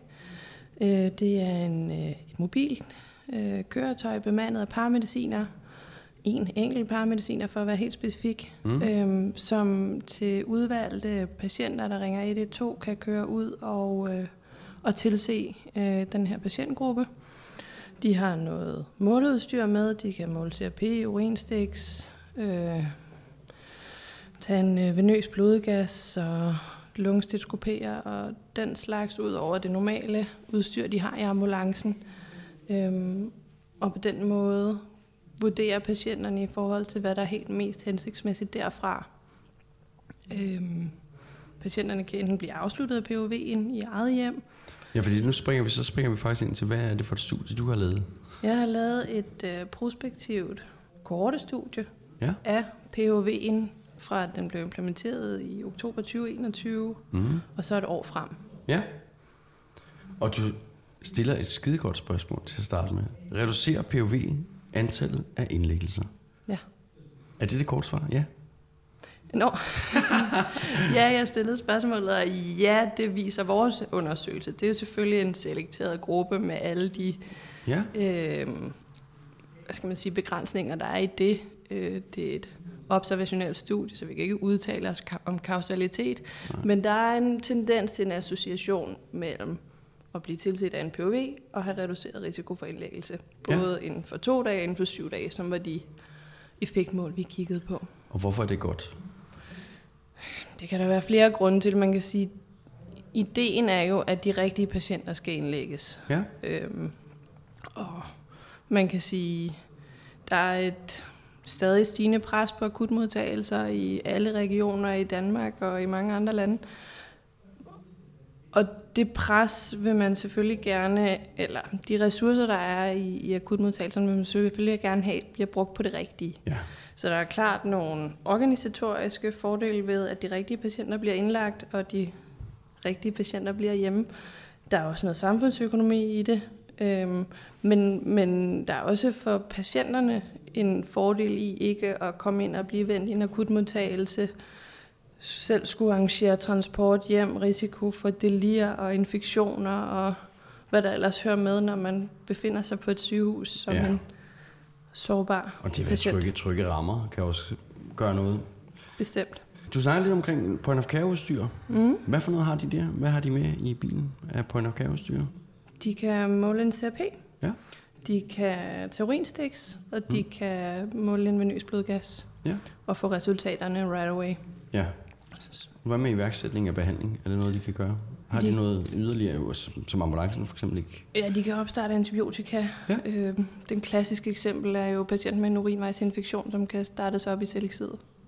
Hvad er mulighederne for patienternes øh, destinationer, kom du også ind på? Du, du, du nævnte ja. fire forskellige destinationer, ja. de kunne øh, komme til, når man kommer ud og tilser dem som man- POV. Ja, lige præcis. Så POV'en har de her fire muligheder, hvoraf to af dem er i E-hospitalet, Ja. som er sådan en unik øh, foranstaltning, der er i Region Sjælland, øh, hvor de enten kan være fysisk i deres eget hjem, men under virtuel overvågning og opfølgning af E-hospitalets læger og sygeplejersker. Øh, de kan også være fysisk på en aflastningsplads i kommunal regi, men være indlagt i E-hospitalet. Så kan de blive indlagt på vanlig vis i øh, akutmodtagelsen på sygehuset. Øhm, og så kan de blive afsluttet i eget hjem af PHV'en, Ja. uden yderligere follow-up af PHV. Kan vi komme nærmere ind på resultaterne? Sætter du nogle procenter på, hvor mange der bliver hjemme, og hvor mange der kommer videre til nogle af de her destinationer? Ja, det kan du tro. Det kan du tro. Omkring 4% blev øh, indlagt i E-hospitalet i ja. vores population. Lidt over 50% blev afsluttet i eget hjem øh, af PHV'en, og omkring 42% kom, blev indlagt på sygehuset. Så var der også lige omkring 2%, der blev, hvor PHV'en blev afsluttet, inden de nåede at komme frem. Men det er sådan, det fordeler sig for patienterne. Slutligt, giver det mening at have POV'er? Det er et stort spørgsmål. Det synes jeg jo, det gør i en vis udstrækning, men jeg synes også, at der er undersøgelser, man bør lave fremadrettet i forhold til at evaluere på den her øh, nye måde at tænke det præhospital på. Ja. Har du noget særligt eller specifikt, du tænker? Jamen, jeg synes, man bliver nødt til at kigge på, hvad det er for nogle patienter, der bliver tilbudt PHV'en, Ja. som et, et ret stort punkt på, øh, på listen over ting, der skal undersøges. Ja. Så synes jeg også, man skal kigge på den samfundsøkonomiske gevinst. Hvad koster det at holde PHV kørende i forhold til, hvad man får ud af de potentielle reduktion i indlæggelse? Mm. Øhm, så skal man jo også kigge på, kan man rekruttere? Det er jo en, det er jo en helt anden måde at, at arbejde på. Øh, Ja, for det præhospitale det personale. præhospitale personale, Ja, det og, og følge op på, hvordan det går med det. Ja. Jamen Signe, tusind tak, fordi du vil være med i podcasten. Jamen, det var en tak fordi jeg fornøjelse. måtte være med. Jamen, velbekomme. Hej igen. Farvel. Den sidste taler i sessionen om nye præhospitale initiativer var Janni Gram. Janni er udviklings- og forskningsansvarlig i den præhospitale virksomhed i Region Nordjylland. Hun er uddannet sociolog og har en Ph.D. i organisationsstudier, og så har hun forsket rigtig meget i tværseksuelt samarbejde i sundhedsvæsenet. I hendes præsentation fortæller hun om nogle af de erfaringer, de har gjort sig i det tværseksuelle samarbejde mellem paramediciner, de kommunale sygeplejersker og den almene praksis i Region Nordjylland. Janni, rigtig hjertelig velkommen til podcasten. Tak. Du har lige lavet en præsentation, der hedder Styrket akutindsats i det nære sundhedsvæsen. Hvorfor var det nødvendigt at lave en præsentation om det? Fordi vi i Region Nordjylland har gang i et rigtig spændende projekt, hvor vi samarbejder med nogle nordjyske kommuner og nogle lægehus om at skabe nogle bedre forløb for vores borgere, for at se, om vi kan finde nogle alternativer til akut indlæggelse. Ja. Hvad har I så gjort for at, at få det ud over stepperne? Det her samarbejdsprojekt, det tager udgangspunkt i vores paramedicinerberedskaber, som vi har fem af, der er fordelt i fire forskellige nordjyske kommuner. Og det er ligesom de her øh, paramedicinerberedskaber, vi har været nysgerrige på, om vi kunne sætte i spil i det nære sundhedsvæsen og øh, i samarbejde med nogle kommunale aktører for at skabe nogle bedre forløb for nogle af vores borgere. Ja. Og så har vi også været i dialog med alle lægehus, der driver udbudslægeklinikker, og har fået et samarbejde med to af sådan nogle udbudsklinikker i Fjerdslev og i Brost. Ja. Så helt konkret, så har vi gjort sådan, at vores øh, paramediciner og de kommunale sygeplejersker, de kan samarbejde i de situationer, hvor de tænker, her kunne det være godt med noget faglig assistance, det kunne være godt med nogle yderligere målinger, eller det kunne være godt med nogen, der har et kendskab til den her borger, som man kommer ud til i forbindelse med en 1-2-opgave. Så sådan helt konkret, så kan, øh, så kan de kommunale sygeplejersker rekvirere en paramediciner, hvis de nu synes, at de har behov for faglig assistance eller nogle yderligere målinger, som vores paramediciner de kan lave. Ja. Og omvendt, så kan vores paramediciner kontakte en kommunal sygeplejerske, hvis de står ude på en 1-2-opgave og tænker, det her det er ikke en, der umiddelbart skal indlægges, men det kunne være rigtig godt, hvis vi kunne få et opfølgende besøg ved en kommunal sygeplejerske om et par timer, for lige at være sikker på, at tilstanden stadigvæk er stabil, ja. eller for at skabe tryghed ved den her borger. Når du siger, at I har fem parmesiner, vi hørte Signe Wolter øh, tale før om, om POV'en. Er det, er det sådan noget i den dur, I, I har, eller fungerer jeres parmesiner på en anden måde? Eller er det sådan mere akutbil? Eller? De fungerer på en anden måde. Altså de, deres kerneopgave, det er egentlig at løse øh, akutte opgaver, så ja. de bliver sendt dem, øh, ud på akutte ture, hvor øh, der er behov for en avanceret kompetence. Ja. Så det er noget, vi sender afsted øh, i de områder, hvor der er langt til en akut lægebil. Er det noget, man skal udvide, tænker du? Det tænker jeg helt sikkert, Mm. hvis man har mulighederne for det. Vi har jo haft mulighederne, fordi vi allerede har haft nogle eksisterende paramedicinerberedskab, og de har jo haft noget ledig kapacitet, fordi det er ikke altid, at de er ude og køre med udrykning, men der er også noget tid, hvor øh, de sidder klar på basen. Og har tid til den? Lige ja. præcis, og det er den tid, vi har prøvet Ja. at sætte i spil på en anden måde, og se om vi kunne finde nogle synergier med det. Jeg hørte også derinde, at du øh, fortalte, at på mange af de her ture, så er parmesinerne og sygeplejersken sammen på opgaven. Hvorfor er de det? Vi synes, det har været rigtig vigtigt, at de var til stede ved borgeren på samme tid, fordi det skaber noget gensidig kendskab til hinandens arbejdspraksis. Man kan lære af hinanden, og det allervigtigste, det er, at de kommer til at lære hinanden at kende, og at de får opbygget nogle relationer. Og særligt, at vi også får udbredt et kendskab til vores paramediciner og deres kompetencer, fordi det kan godt være lidt svært for vores samarbejdspartnere i det øvrige sundhedsvæsen egentlig at vide, hvad det er, sådan nogle paramediciner de kan. Ja. Hvor mange, øh, hvor mange opgaver har I haft indtil nu, og hvad, hvad er de forløbige resu- resultater? Jamen indtil videre, vi startede tilbage i efteråret 2022, Mhm. mm. og indtil videre så har vi haft 79 tværseksuelle opgaver. Ja. Så det er jo ikke øh, altså sådan et voldsomt øh, antal, vi har haft endnu. Og det tænker vi egentlig også, at vi er ret godt tilfredse med. Ja. For det vi kan se, det er, at de opgaver, vi har haft, det har været nogle relevante opgaver. De bliver oplevet som meningsfulde af vores medarbejdere og af de kommunale aktører. Og øh, alle de vurderer ligesom, at borgerne de har fået et bedre forløb som følge af det her samarbejde. Ja, det fordi, det jeg godt mærke til, at både sygeplejersker og, og paramediciner, det snakker du om, at de op, har en oplevelse af, at det er et bedre forløb. Har I også, har, har I også hørt fra patienterne? Vi har ikke hørt direkte fra patienterne, men de kommunale sygeplejersker, som jo er vant til at komme i patienternes hjem, de siger også, at patienterne de er helt trygge ved den her løsning, og mange af dem synes jo også, at det er rart at kunne blive i eget hjem. Ja. Vi har for eksempel også haft nogle opgaver i forhold til nogle terminale borgere, hvor at man er gået i panik til sidst og har været ved at ringe 112, Ja. ja. men i stedet har fået rekvireret en paramediciner, og så har man faktisk formået at kunne holde borgeren i eget hjem, og ja. en borger, som der kunne have ro omkring sig og sin pårørende omkring sig i den sidste tid. Ja, og det er vigtigt at kunne få Absolut. det. Ja. Slutligt, hvad byder fremtiden på her, tror du, i Region Nordjylland? Er det noget, der skal udvides? Jamen, det tænker jeg helt sikkert, og vi er stadigvæk nysgerrige på at undersøge de synergier, vi kan få ud af det her, og hvordan vi gradvist kan udbygge det her samarbejde, og hvordan vi får det målrettet, så det også er de rigtige patienter, vi kommer til at samarbejde omkring, og hvordan vi får skabt en god connect ind til akutmodtagelsen, men også en tydeligere connect til almen praksis. Ja. Jeg synes, det er vigtigt at få frem, at når vi ser på de her opgaver, så er der faktisk to tredjedele af patienterne, som der får lov til at blive i deres eget hjem. Ja. Og øh, ofte så bliver de derhjemme, fordi at der er blevet lagt en god plan i fællesskab mellem sygeplejersker og paramediciner.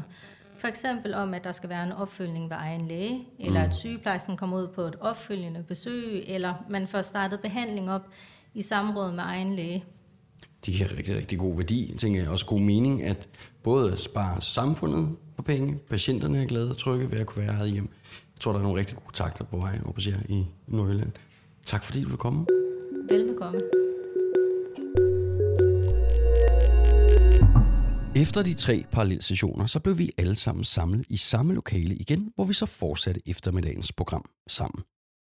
De næste tre taler, du skal høre her i podcasten, de var samlet i en blog, som samlet set hed Mentalt Robusthed. Her skal vi blandt andet høre om den psykiske påvirkning af hjerteløbere.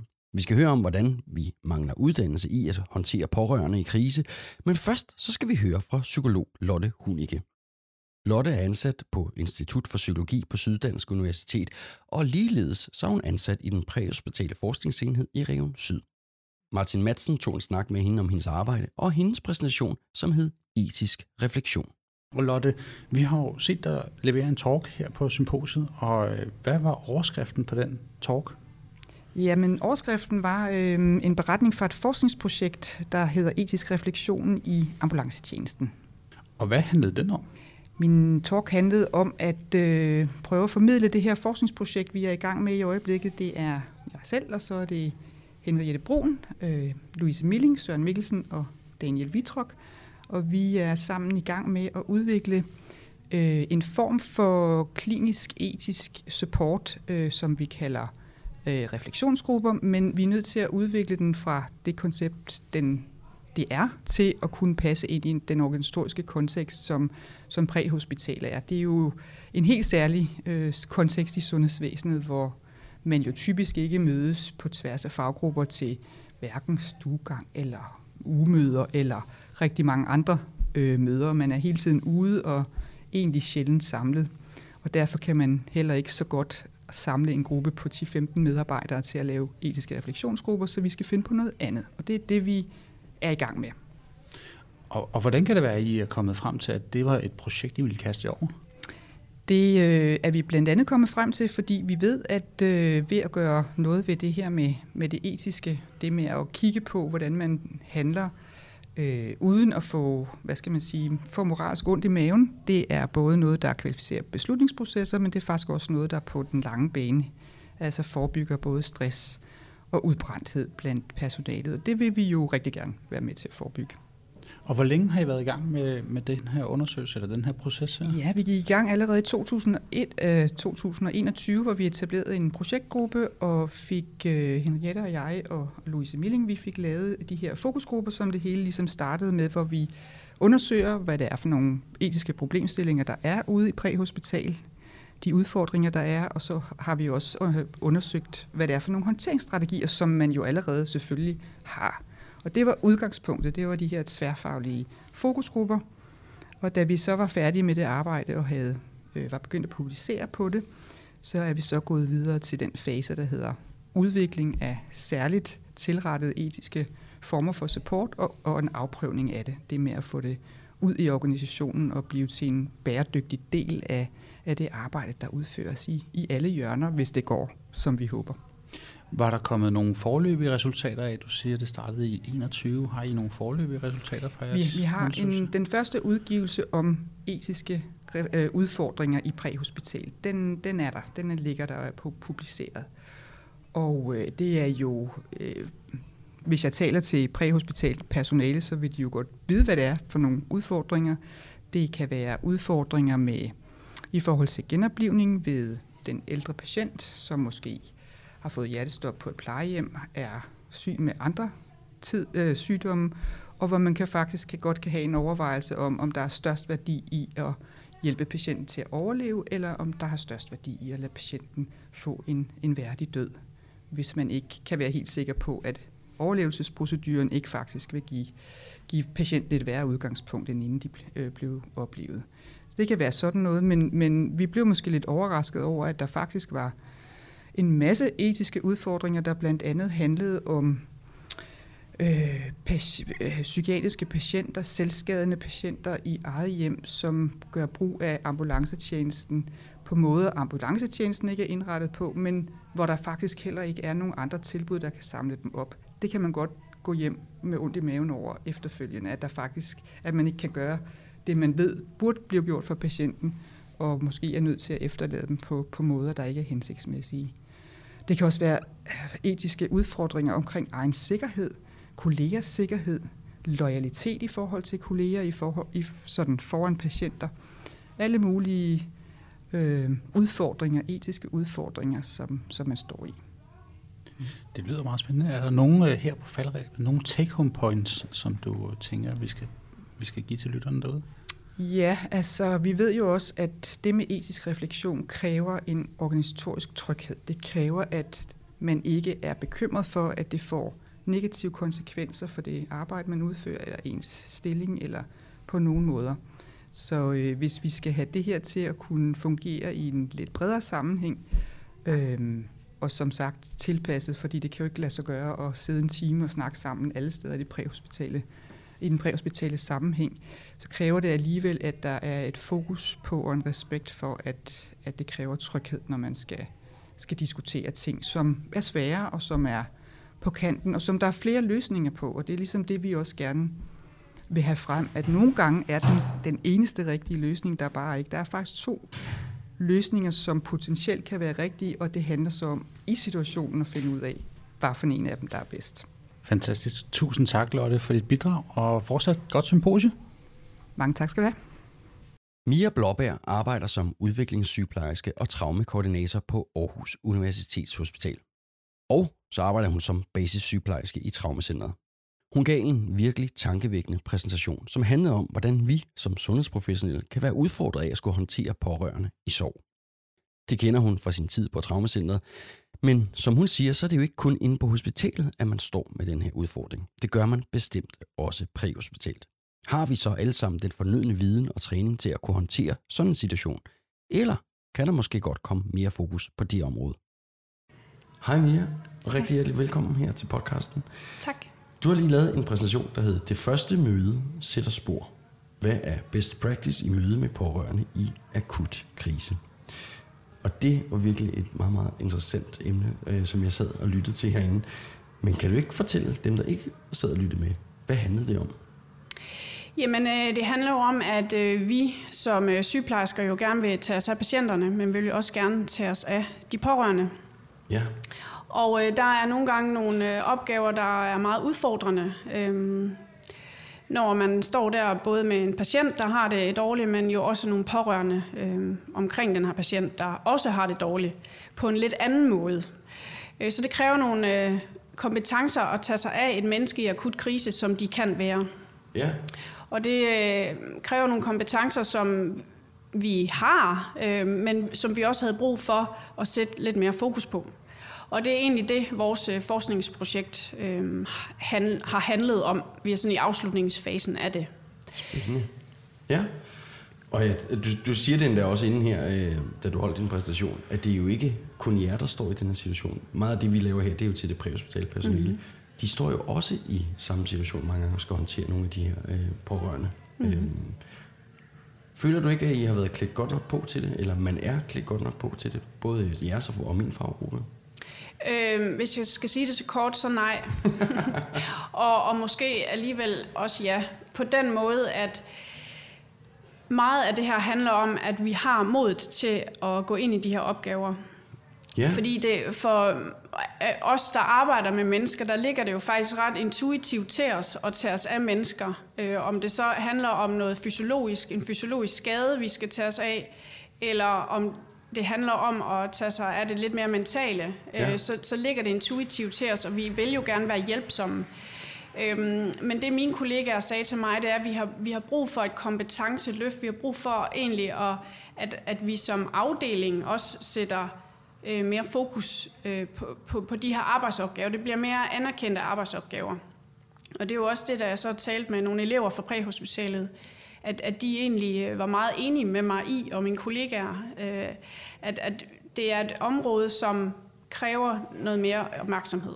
Ja, for du sagde det egentlig meget godt derinde. Det er som om, at der mangler en faglighed Ja. lige omkring det her. Ja. Mm. Øhm, og også fordi man kan sige, det ofte så er det jo de der opgaver, eller vi husker. Ja. Det, det er menneskerne der omkring patienten, som, som vi husker. Nogle gange er det det, der gør ondt i maven. Uh, vejer der nu nok for den her person? Ja. Øhm, moren eller datteren, eller hvad det nu kan være, som, som var patientens pårørende. Ja. Hvorfor tror du, tror du, der er en frygt for at gå ind i den dialog der, eller for, for at gøre nogen kede af det, eller bange? Eller hvorfor tror du, at det er så svært? Jamen, jeg tror, det er svært, fordi at, øh, man kan sige, at patienten bliver jo, eller de pårørende gør, at, at det hele bliver sådan meget mere menneskeligt gjort. Øh, Ja. Der er jo altså patienten, vi skal fikse med vores hænder, og vores hjerne skal tænke. Men når de pårørende så kommer, så bliver det meget mere hjerteligt. Ja. Øhm, og det er jo det, der kan sætte, øh, har jeg jo ladt mig høre, øhm, og også erfare selv jo, når jeg står på gulvet. Det er jo det, der gør øh, større og dybere indtryk på os. Helt Øh, og hvis vi så føler, at vi ikke har fagligheden øh, og modet til at gå ind i de her opgaver, så kan vi jo ende med, at, at det ligesom er deres lidelse, der bliver vores egen lidelse, og vi ikke øh, har robusthed nok til at tage os af øh, hele Hele pakken. pakken. Ja. ja, okay. Nå, men lad os prøve at springe lidt ned i, i dit projekt, som du har lavet her. Hvordan, gjorde I det? Hvad gjorde I? Altså, vi startede jo med at selvfølgelig, eller jeg, øh, øh, grænske litteraturen i forhold til at blive klogere på det her emne. Øhm, og der øh, blev det jo ret øh, tydeligt for mig, at en ting, det er jo selvfølgelig det der med, at vi skal finde ud af, fundamentet, det skal være de pårørendes ord. Hvad er det, de fortæller os, de har behov, så vi ved, hvad det er, vi skal gøre. Mm.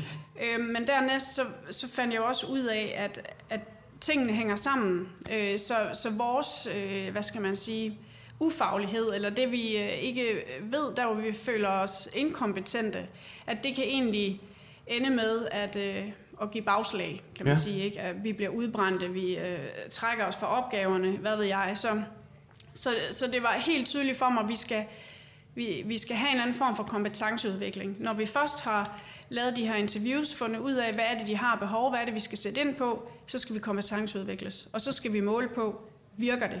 Ja. Bliver deres oplevelser forbedret? Ja. Så lavede du et action card Ja. derinde, og jeg har faktisk været så fræk at dele det på de sociale medier, du har lagt ud, så, eller jeg har lagt ud, så det håber jeg er okay med dig. Det er så fint. Øh, for hvordan man øh, krisehåndterer. Men jeg, jeg, det slog mig, da jeg sad og så det. Kan det stå alene, eller skal der også noget uddannelse med af vores faggrupper? Øh, det kan absolut ikke stå alene. Nej. Og øh, det er jo også, hvis jeg har haft noget mere tid, har jeg sat øh, flokken lidt mere ind i den her kompetenceudvikling. Fordi det, det, Ja. det handlede om, det var jo, at vi sammen, altså det var krisepsykologen, der underviste os. Og så, hun gik jo bag om det her action card. Okay, hvorfor er det, de pårørende fortæller os, at de har behov for, at der står et andet menneske klar til at Ja. møde dem? I den her øhm, kaotiske øh, situation, hvor de er utrygge. Øhm, og hvorfor er det, at øh, information er så vigtig, at man løbende giver dem noget konkret øh, info? Øhm, og hvorfor er det, at det er vigtigt at inddrage dem? Og alle de her ting. Altså, der, der, vi, vi kom ligesom bag om actionkartet øh, og fik krisepsykologens ord på, hvorfor fortæller de pårørende os det her, og ja. hvorfor er det godt at gøre lige ja. præcis de her ting. Du siger du, dit øh, projekt det er snart er slut. Hvad skal der så ske bagefter? Jamen når at vi forhåbentlig får publiceret anden artikel, øh, som egentlig omhandler den her effektmåling af kompetenceudvikling, altså vi har lavet pårørende øh, målinger Ja. af deres oplevelser inden kompetenceudviklingen og efter, og så har vi lavet nogle sammenligninger før og efter. Øhm, så øh, når den bliver publiceret forhåbentlig lige om lidt, så øh, skal jeg til at kigge på data fra sygeplejerskerne. Ja. Fordi, og det er jo igen der, hvor dagens tema er mental robusthed. At det jo virkelig øhm, er noget, som øh, nogle, et, et ord, jeg formentlig kommer til at bruge i den artikel, i forhold til, jamen, hvordan vurderer sygeplejerskerne deres egne kompetencer inden, hvordan vurderer de egne kompetencer efterfølgende, og så det her med øhm, Efterfølgende, at de er blevet kompetenceudviklet. Godt, ja. Øhm, og så deres øhm, grad af belastning, altså og øhm, påvirkning, hvor, hvor påvirket bliver de i deres arbejde. Ja. Og der håber jeg også at finde en eller anden form for effekt i forhold til, at det, at de føler sig stærkere fagligt, gør, at de bliver mindre belastet. Det er jo i hvert fald Det det, jeg som øh, sammen. min Altså, hypotese er, ja. og det er det, forskningen øh, viser, Ja. sådan, hvis man skal gøre det meget kort. Ja. Er der noget, du er blevet klogere på i processen her? Helt bestemt. Noget af det, som øh, har gjort størst indtryk på mig, øh, det er det her med, at når en patient øh, kommer til skade, øh, akut medicinsk sygdom, hvad det nu kan være, så øh, er det nogle gange øh, et meget kort forløb, de har hos os i traumacentret, hvor vi har med øh, de pårørende og patienten at gøre. Men jeg er blevet meget øh, klogere på øh, og opmærksom på, hvor stor en effekt vi egentlig kan gøre, altså på godt og ondt, for, øh, nu er det pårørende, det drejer sig om her. Ja. Øhm, og som sagt kan vi øh, påvirke dem, øh, vi kan møde dem, vi kan ikke møde dem, altså vi kan påvirke dem på, på godt og ondt. Ja. Så en, selv en kort kontakt, der kan man yde en betydningsfuld støtte, både i forhold til deres øh, håndtering af situationen, af traumet lige der, men også af deres senere bearbejdning af, af den her hændelse. Der kan man øh, booste, hvad kan man sige, processen og booste den pårørende, men man kan bestemt også komme til at Forsinke Ja. helingsprocessen, om Ja, man vil. Ja. ja. Jamen, det er super, super vigtig viden, og jeg håber, at når du bliver færdig, så øh, bliver publiceret ud, at, øh, at vi kan få implementeret noget uddannelse, noget kompetenceløft I alle vores faggrupper, som kommer til at stå i de situationer der. Lige præcis. Fordi det er ikke altid sjovt. Det er godt, der kommer fokus på den her del, også for den fylder rigtig meget. Ja, og øh, både for øh, patienten pårørende, men ikke mindst jo, har jeg fundet ud af, jo også for os. Ja. Så, øh, så vi ikke bliver udbrændte, og så vi ikke også kommer til at lide, så er det også simpelthen så vigtigt, at øh, for alle er- parter, Ja. at der bliver fokus på det. Tak fordi du kom. Selv tak. Den sidste taler i Mental Robusthed-bloggen var sygeplejerske og phd studerende Astrid Krav. Astrid er ansat i Region Hovedstadens akutberedskab, og hun har kastet sig over hjerteløberordningen med et særligt fokus på den psykiske påvirkning af hjerteløbere. Hun har stillet sig selv spørgsmålet, som også var titlen på hendes præsentation, om det har en pris at redde et liv. Hvad var de, de undersøgelser, du havde i gang din PhD? Hvad, hvad viser det indtil videre? Jamen, vores undersøgelser viser, at, øh, at hjerteløberne generelt ser ud til at være psykisk robuste, men de viser også, at hjerteløberne er meget forskellige og har forskellige baggrund og forudsætninger for at træde til ved et hjertestop. Og der er nogle hjerteløbere, som er enormt erfarne og som har været afsted mange gange før, og så er der hjerteløbere, som ikke har nogen erfaring og som for første gang står med en livløs krop. Øh, Men overordnet kan vi se, at det er helt nede på 1,2 procent, som rapporterer, at de er meget psykisk påvirket kort tid efter deres hjerteløbermission. Og vi kan også se, at de har lave grader af symptomer på PTSD efter fire uger. Øhm, Men det, der også er vigtigt, det er, at denne her 1,2 procent, det er et øjebliksbillede, som er taget øhm, det første døgn efter. Og vi kan ikke sige noget om, hvordan hjerteløberne de har det en uge efter, for eksempel. Vi kan se, at de har det fint efter fire uger, men den mellemliggende tid ved vi ikke noget om, og det vil vi gerne blive klogere på. Og så ved vi, at det er øh, blandt andet det her med at være meget involveret i hjertestoppet og give hjerte-lungeredning og påsætte en hjertestarter, og også at komme før ambulancen, som ser ud til at være associeret med at være meget påvirket efterfølgende. Øh, så det jeg også understreger i mit oplæg, det er det her med, at man skal forberede sig, inden man melder sig som hjerteløber, og gøre op med sig selv, om man føler sig psykisk parat til at stå i den meget voldsomme situation, det kan være. Ja, for du var også ind på, at hjertehøl, I havde spurgt hjerteløberne, hvad de havde eventuelt af tanker, inden de ligesom skulle få den her mission eller den her alarm. Hvad var det for nogle tanker, de, de havde? Nogle af dem? Jamen, for mange, der, der er det svært at forestille sig, hvordan sådan et hjertestop-scenarie er. Øh, Så, så tankerne om, hvordan en livløs person er, det er egentlig noget, de har fra et førstehjælpskursus, hvor tingene er meget sådan rene og foregår under, under meget ordnet forhold. Så derfor så kan de blive overrasket, når de kommer ud til et hjertestop, som kan være meget kaotisk. Og nogle af de her ting, som de oplever, det er øh, de visuelle aspekter af at se en, der ligger og er død, og se, at der er blod eller opkast eller frode om munden, øh, og opleve det her med, at man er i en anden persons hjem, og man har fornemmelsen i hænderne bagefter. Øh, man er måske træt i armene efter at have givet hjertemassage. Det sidder længe. Det er ikke sådan, at man bare lige går hjem og fortsætter dagen på kontoret. Det er en oplevelse, der, der sætter spor bagefter hos hjerteløberne. Noget, jeg blev overrasket over, da du øh, sagde det i din talk, det var, at noget, altså jeg er jo præhospitalt, og noget af det, som jeg har haft i tankerne, det var for eksempel, jamen hvad vil, hvordan ville deres påvirkning være, hvis de kom til hjertestop på et barn? Og, og hvor du fortalte om, at påvirkningen, om det var et barn, eller faktisk det, at de ikke kunne løbe til det, at, at det var næsten værre for dem, at de ikke kunne respondere. Der, Ja. ville de, der fik de, kan du fortælle lidt mere om det? Jamen hjerteløberne har meget, meget høj grad af ansvarsfølelse, så de vil meget, meget gerne løbe, og det er meget svært for dem, når de bliver forhindret i det. Vi har lavet interviews med indtil videre otte hjerteløbere, der har været sendt til børn, og fælles for dem er, at de alle sammen siger, jeg vil gøre det igen. De synes, det var meget meningsfuldt. Selvom det kun er et ud af de her otte børn, der har overlevet hjertestoppet, så var det enormt meningsfuldt for hjerteløberne at kunne være der og give det her barn chancen for at overleve. Øh, og stå også og være der for forældrene i situationen. Øh, så, så selvom de måske er påvirket af det efterfølgende, så er det for mange næsten værre, at de slet ikke får chancen for at hjælpe. Og, og noget, som du også kom ind på, du nævnte også lidt i forhold til det her med, hvor mange der ligesom viser tegn på PTSD længere hen i forløbet. Men, men det var jo jeg, virkelig, hvor, altså, det var virkelig for antal, der havde brug for follow-up. Ja.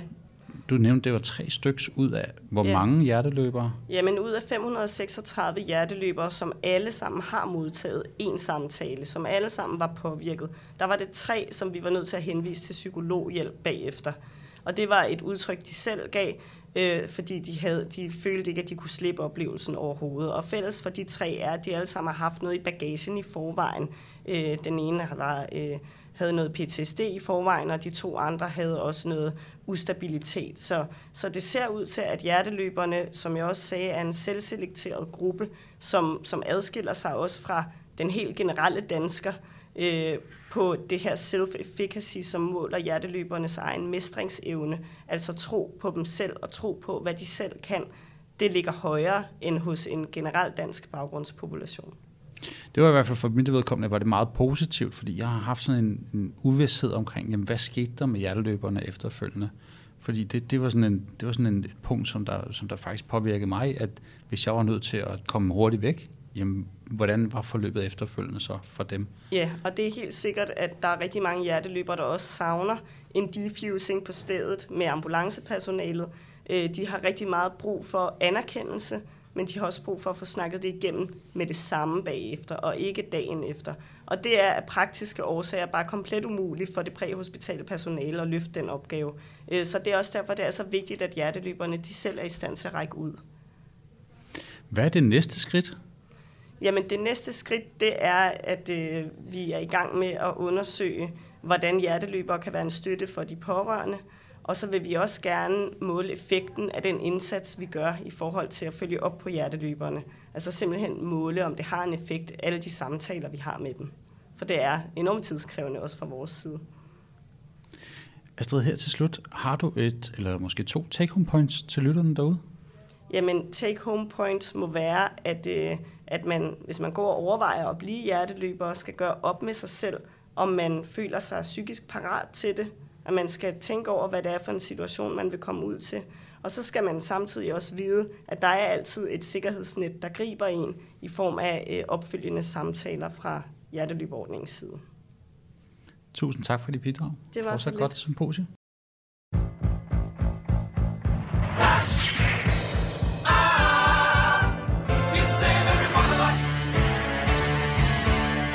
Slutte dagen på, så afholdtes der tre korte flash talks, som samtidig var en lille konkurrence.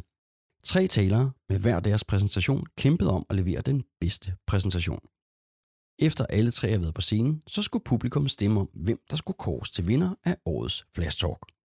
Vi var så heldige at få lov til at interviewe vinderen, og det var et glædeligt gensyn med en taler, vi her i Fomedic har haft fornøjelsen af at interviewe tidligere. For sidst vi snakkede med ham, der var han tæt på at være færdig som speciallæge i almen medicin, og dengang der stillede han spørgsmålet, akut sygdom eller skade, hvem ringer patienterne til? Det interview kan du i øvrigt høre i episode 61, som du kan finde inde på bloggen.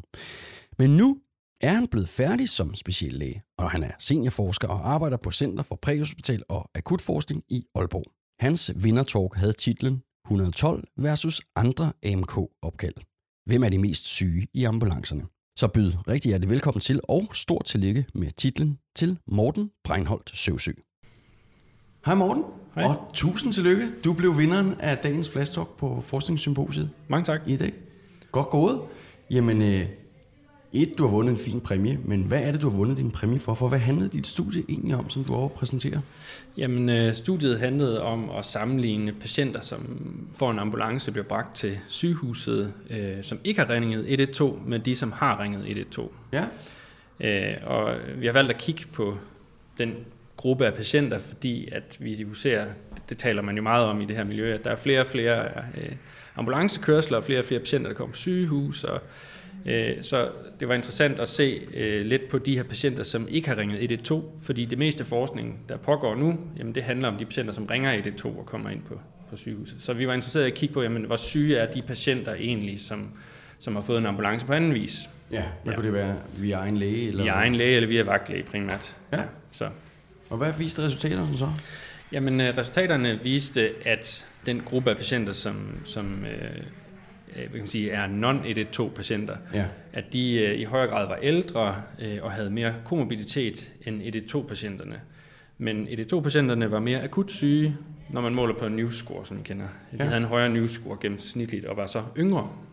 Og kort en news-score, hvad er det? Ja, jamen det er jo sådan en score, der er baseret på øh, vitalparametre, så altså hvordan patienten ved, ved kontakten har, har hvad hedder det, udtrykt sig, hvad kan man sige, hvilke blodtryk, puls og så videre Okay. har der været. Ja. Jeg tror, vi kalder den øvs. Kan det passe? Ja, sådan en early warning score. Ja, er Ja, det, det er sådan rigtigt. en Ja. udviklet Yes. udgave af den? Okay, Ja. super. Ja, og øh, andre resultater? Ja, altså vi fandt jo så faktisk ud af, at selvfølgelig var der en, en højere øh, korttidsdødelighed øh, ved de her 1-2-patienter, men øh, når man så kom ud over cirka en uge, jamen, så var mortaliteten faktisk højere øh, og blev øh, endnu højere for øh, non-1-2-patienterne. Så de var jo egentlig også voldsomt syge, kan man sige. Ja. ja. Kan vi gøre noget for at ændre det? Jamen det er jo så det. Øh, altså man kan sige, vi ved jo heller ikke, om de her er patienter, der burde komme på sygehuset eller ej. Øh, og man kan sige, at vi kiggede også på diagnosemønstrene. Der er jo rigtig mange patienter, som har de her non-specifikke diagnoser, altså hvor man egentlig ikke rigtig finder en særlig organspecifik forklaring på, hvorfor de havde det dårligt. Øh, Så spørgsmålet er, om, der er, om det er patienter, der, der skal ind på sygehuset. Vi ved jo ikke helt rigtigt, hvad det, om det er gamle mennesker, der måske kunne blive hjemme, eller der kan gøres noget for visitationen yderligere, eller der er andre tilbud. Øh, Så det, indtil videre står det hen i det uvisse. Okay. Men det er noget af det, som vi også i vores center øh, arbejder videre på at finde ud af. Ja. Sådan lidt mere tværsektoriel indsats. Ja. Hvordan arbejder I så videre med det her nu? Jamen, altså det konkrete studie arbejder vi selvfølgelig videre på at få publiceret og, og, og blive helt øh, færdige med. Og der er nogle flere resultater i det, som vi, vi skal arbejde øh, videre med. Men sådan helt generelt, så i vores center, så arbejder vi meget med at finde nogle øh, mere tværsektorielle løsninger til, til problemet, vi står i, nemlig at der er flere og flere øh, akutte henvendelser til, øh, til sygehusvæsenet, og, og der er nok man bør nok retænke meget af, hvordan man organiserer sygehusvæsenet. Der er nok nogle patienter, som ikke skal ind på sygehuset, som kan tilbydes måske en bedre behandling et andet sted osv. Og jeg tror, at der er behov for langt bedre samarbejde mellem primærsektor, øh, ambulancetjeneste og sekundærsektor, end vi har i dag. Det tror du helt ret i, og det har været ret interessant at se på det her øh, symposium i dag, hvor mange af talerne, oplægsholderne, der netop har haft noget omkring det her med, hvad kan vi gøre for patienterne i hjemmet, så vi ikke skal have dem ind på hospitalet. Ja. Øhm, så det tror jeg, vi kommer til at se rigtig, rigtig meget mere i Ja, det fremtiden. håber jeg også, ja. Fordi jamen, det, det tror jeg, alle er enige om, at det kan give rigtig, rigtig stor værdi, både samfundsøkonomisk, men også for, for patienterne selv, at de ikke skal øh, ind og med alle de følgesygdomme, der kan komme af en indlæggelse. Ja.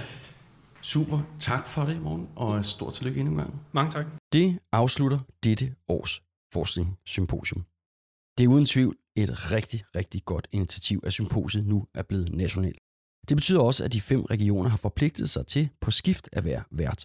Og hvor vi så skal hen næste år, det er endnu uvist. Men der er så mange vidunderlige spændende ting, der rører sig i den præhospitale verden, så det kan kun blive rigtig, rigtig spændende. For de af jer, som har fulgt med i Formedics tidligere episoder, så vil I måske også have hørt om Rasmus Lyngby. Rasmus er nemlig Danmarks første paramediciner med en Ph.D., og det er en kæmpe præstation og virkelig et pionerarbejde, som vi selvfølgelig hylder her i Fomedic. Rasmus har nu kastet sig over et nyt nationalt projekt, der hedder Future Paramedics. Her vil han sammen med de fem regioner og Trykfonden sende 15 danske paramediciner igennem den irske bacheloruddannelse for Limerick University. Jeg er derfor overbevist om, at vi i fremtiden kommer til at se rigtig mange flere paramediciner på forskningssymposier som det her i fremtiden. Det er bare en fed tid at være præhospital. Tusind tak for den her gang. Mit navn er Karl Hø. Vi høres ved.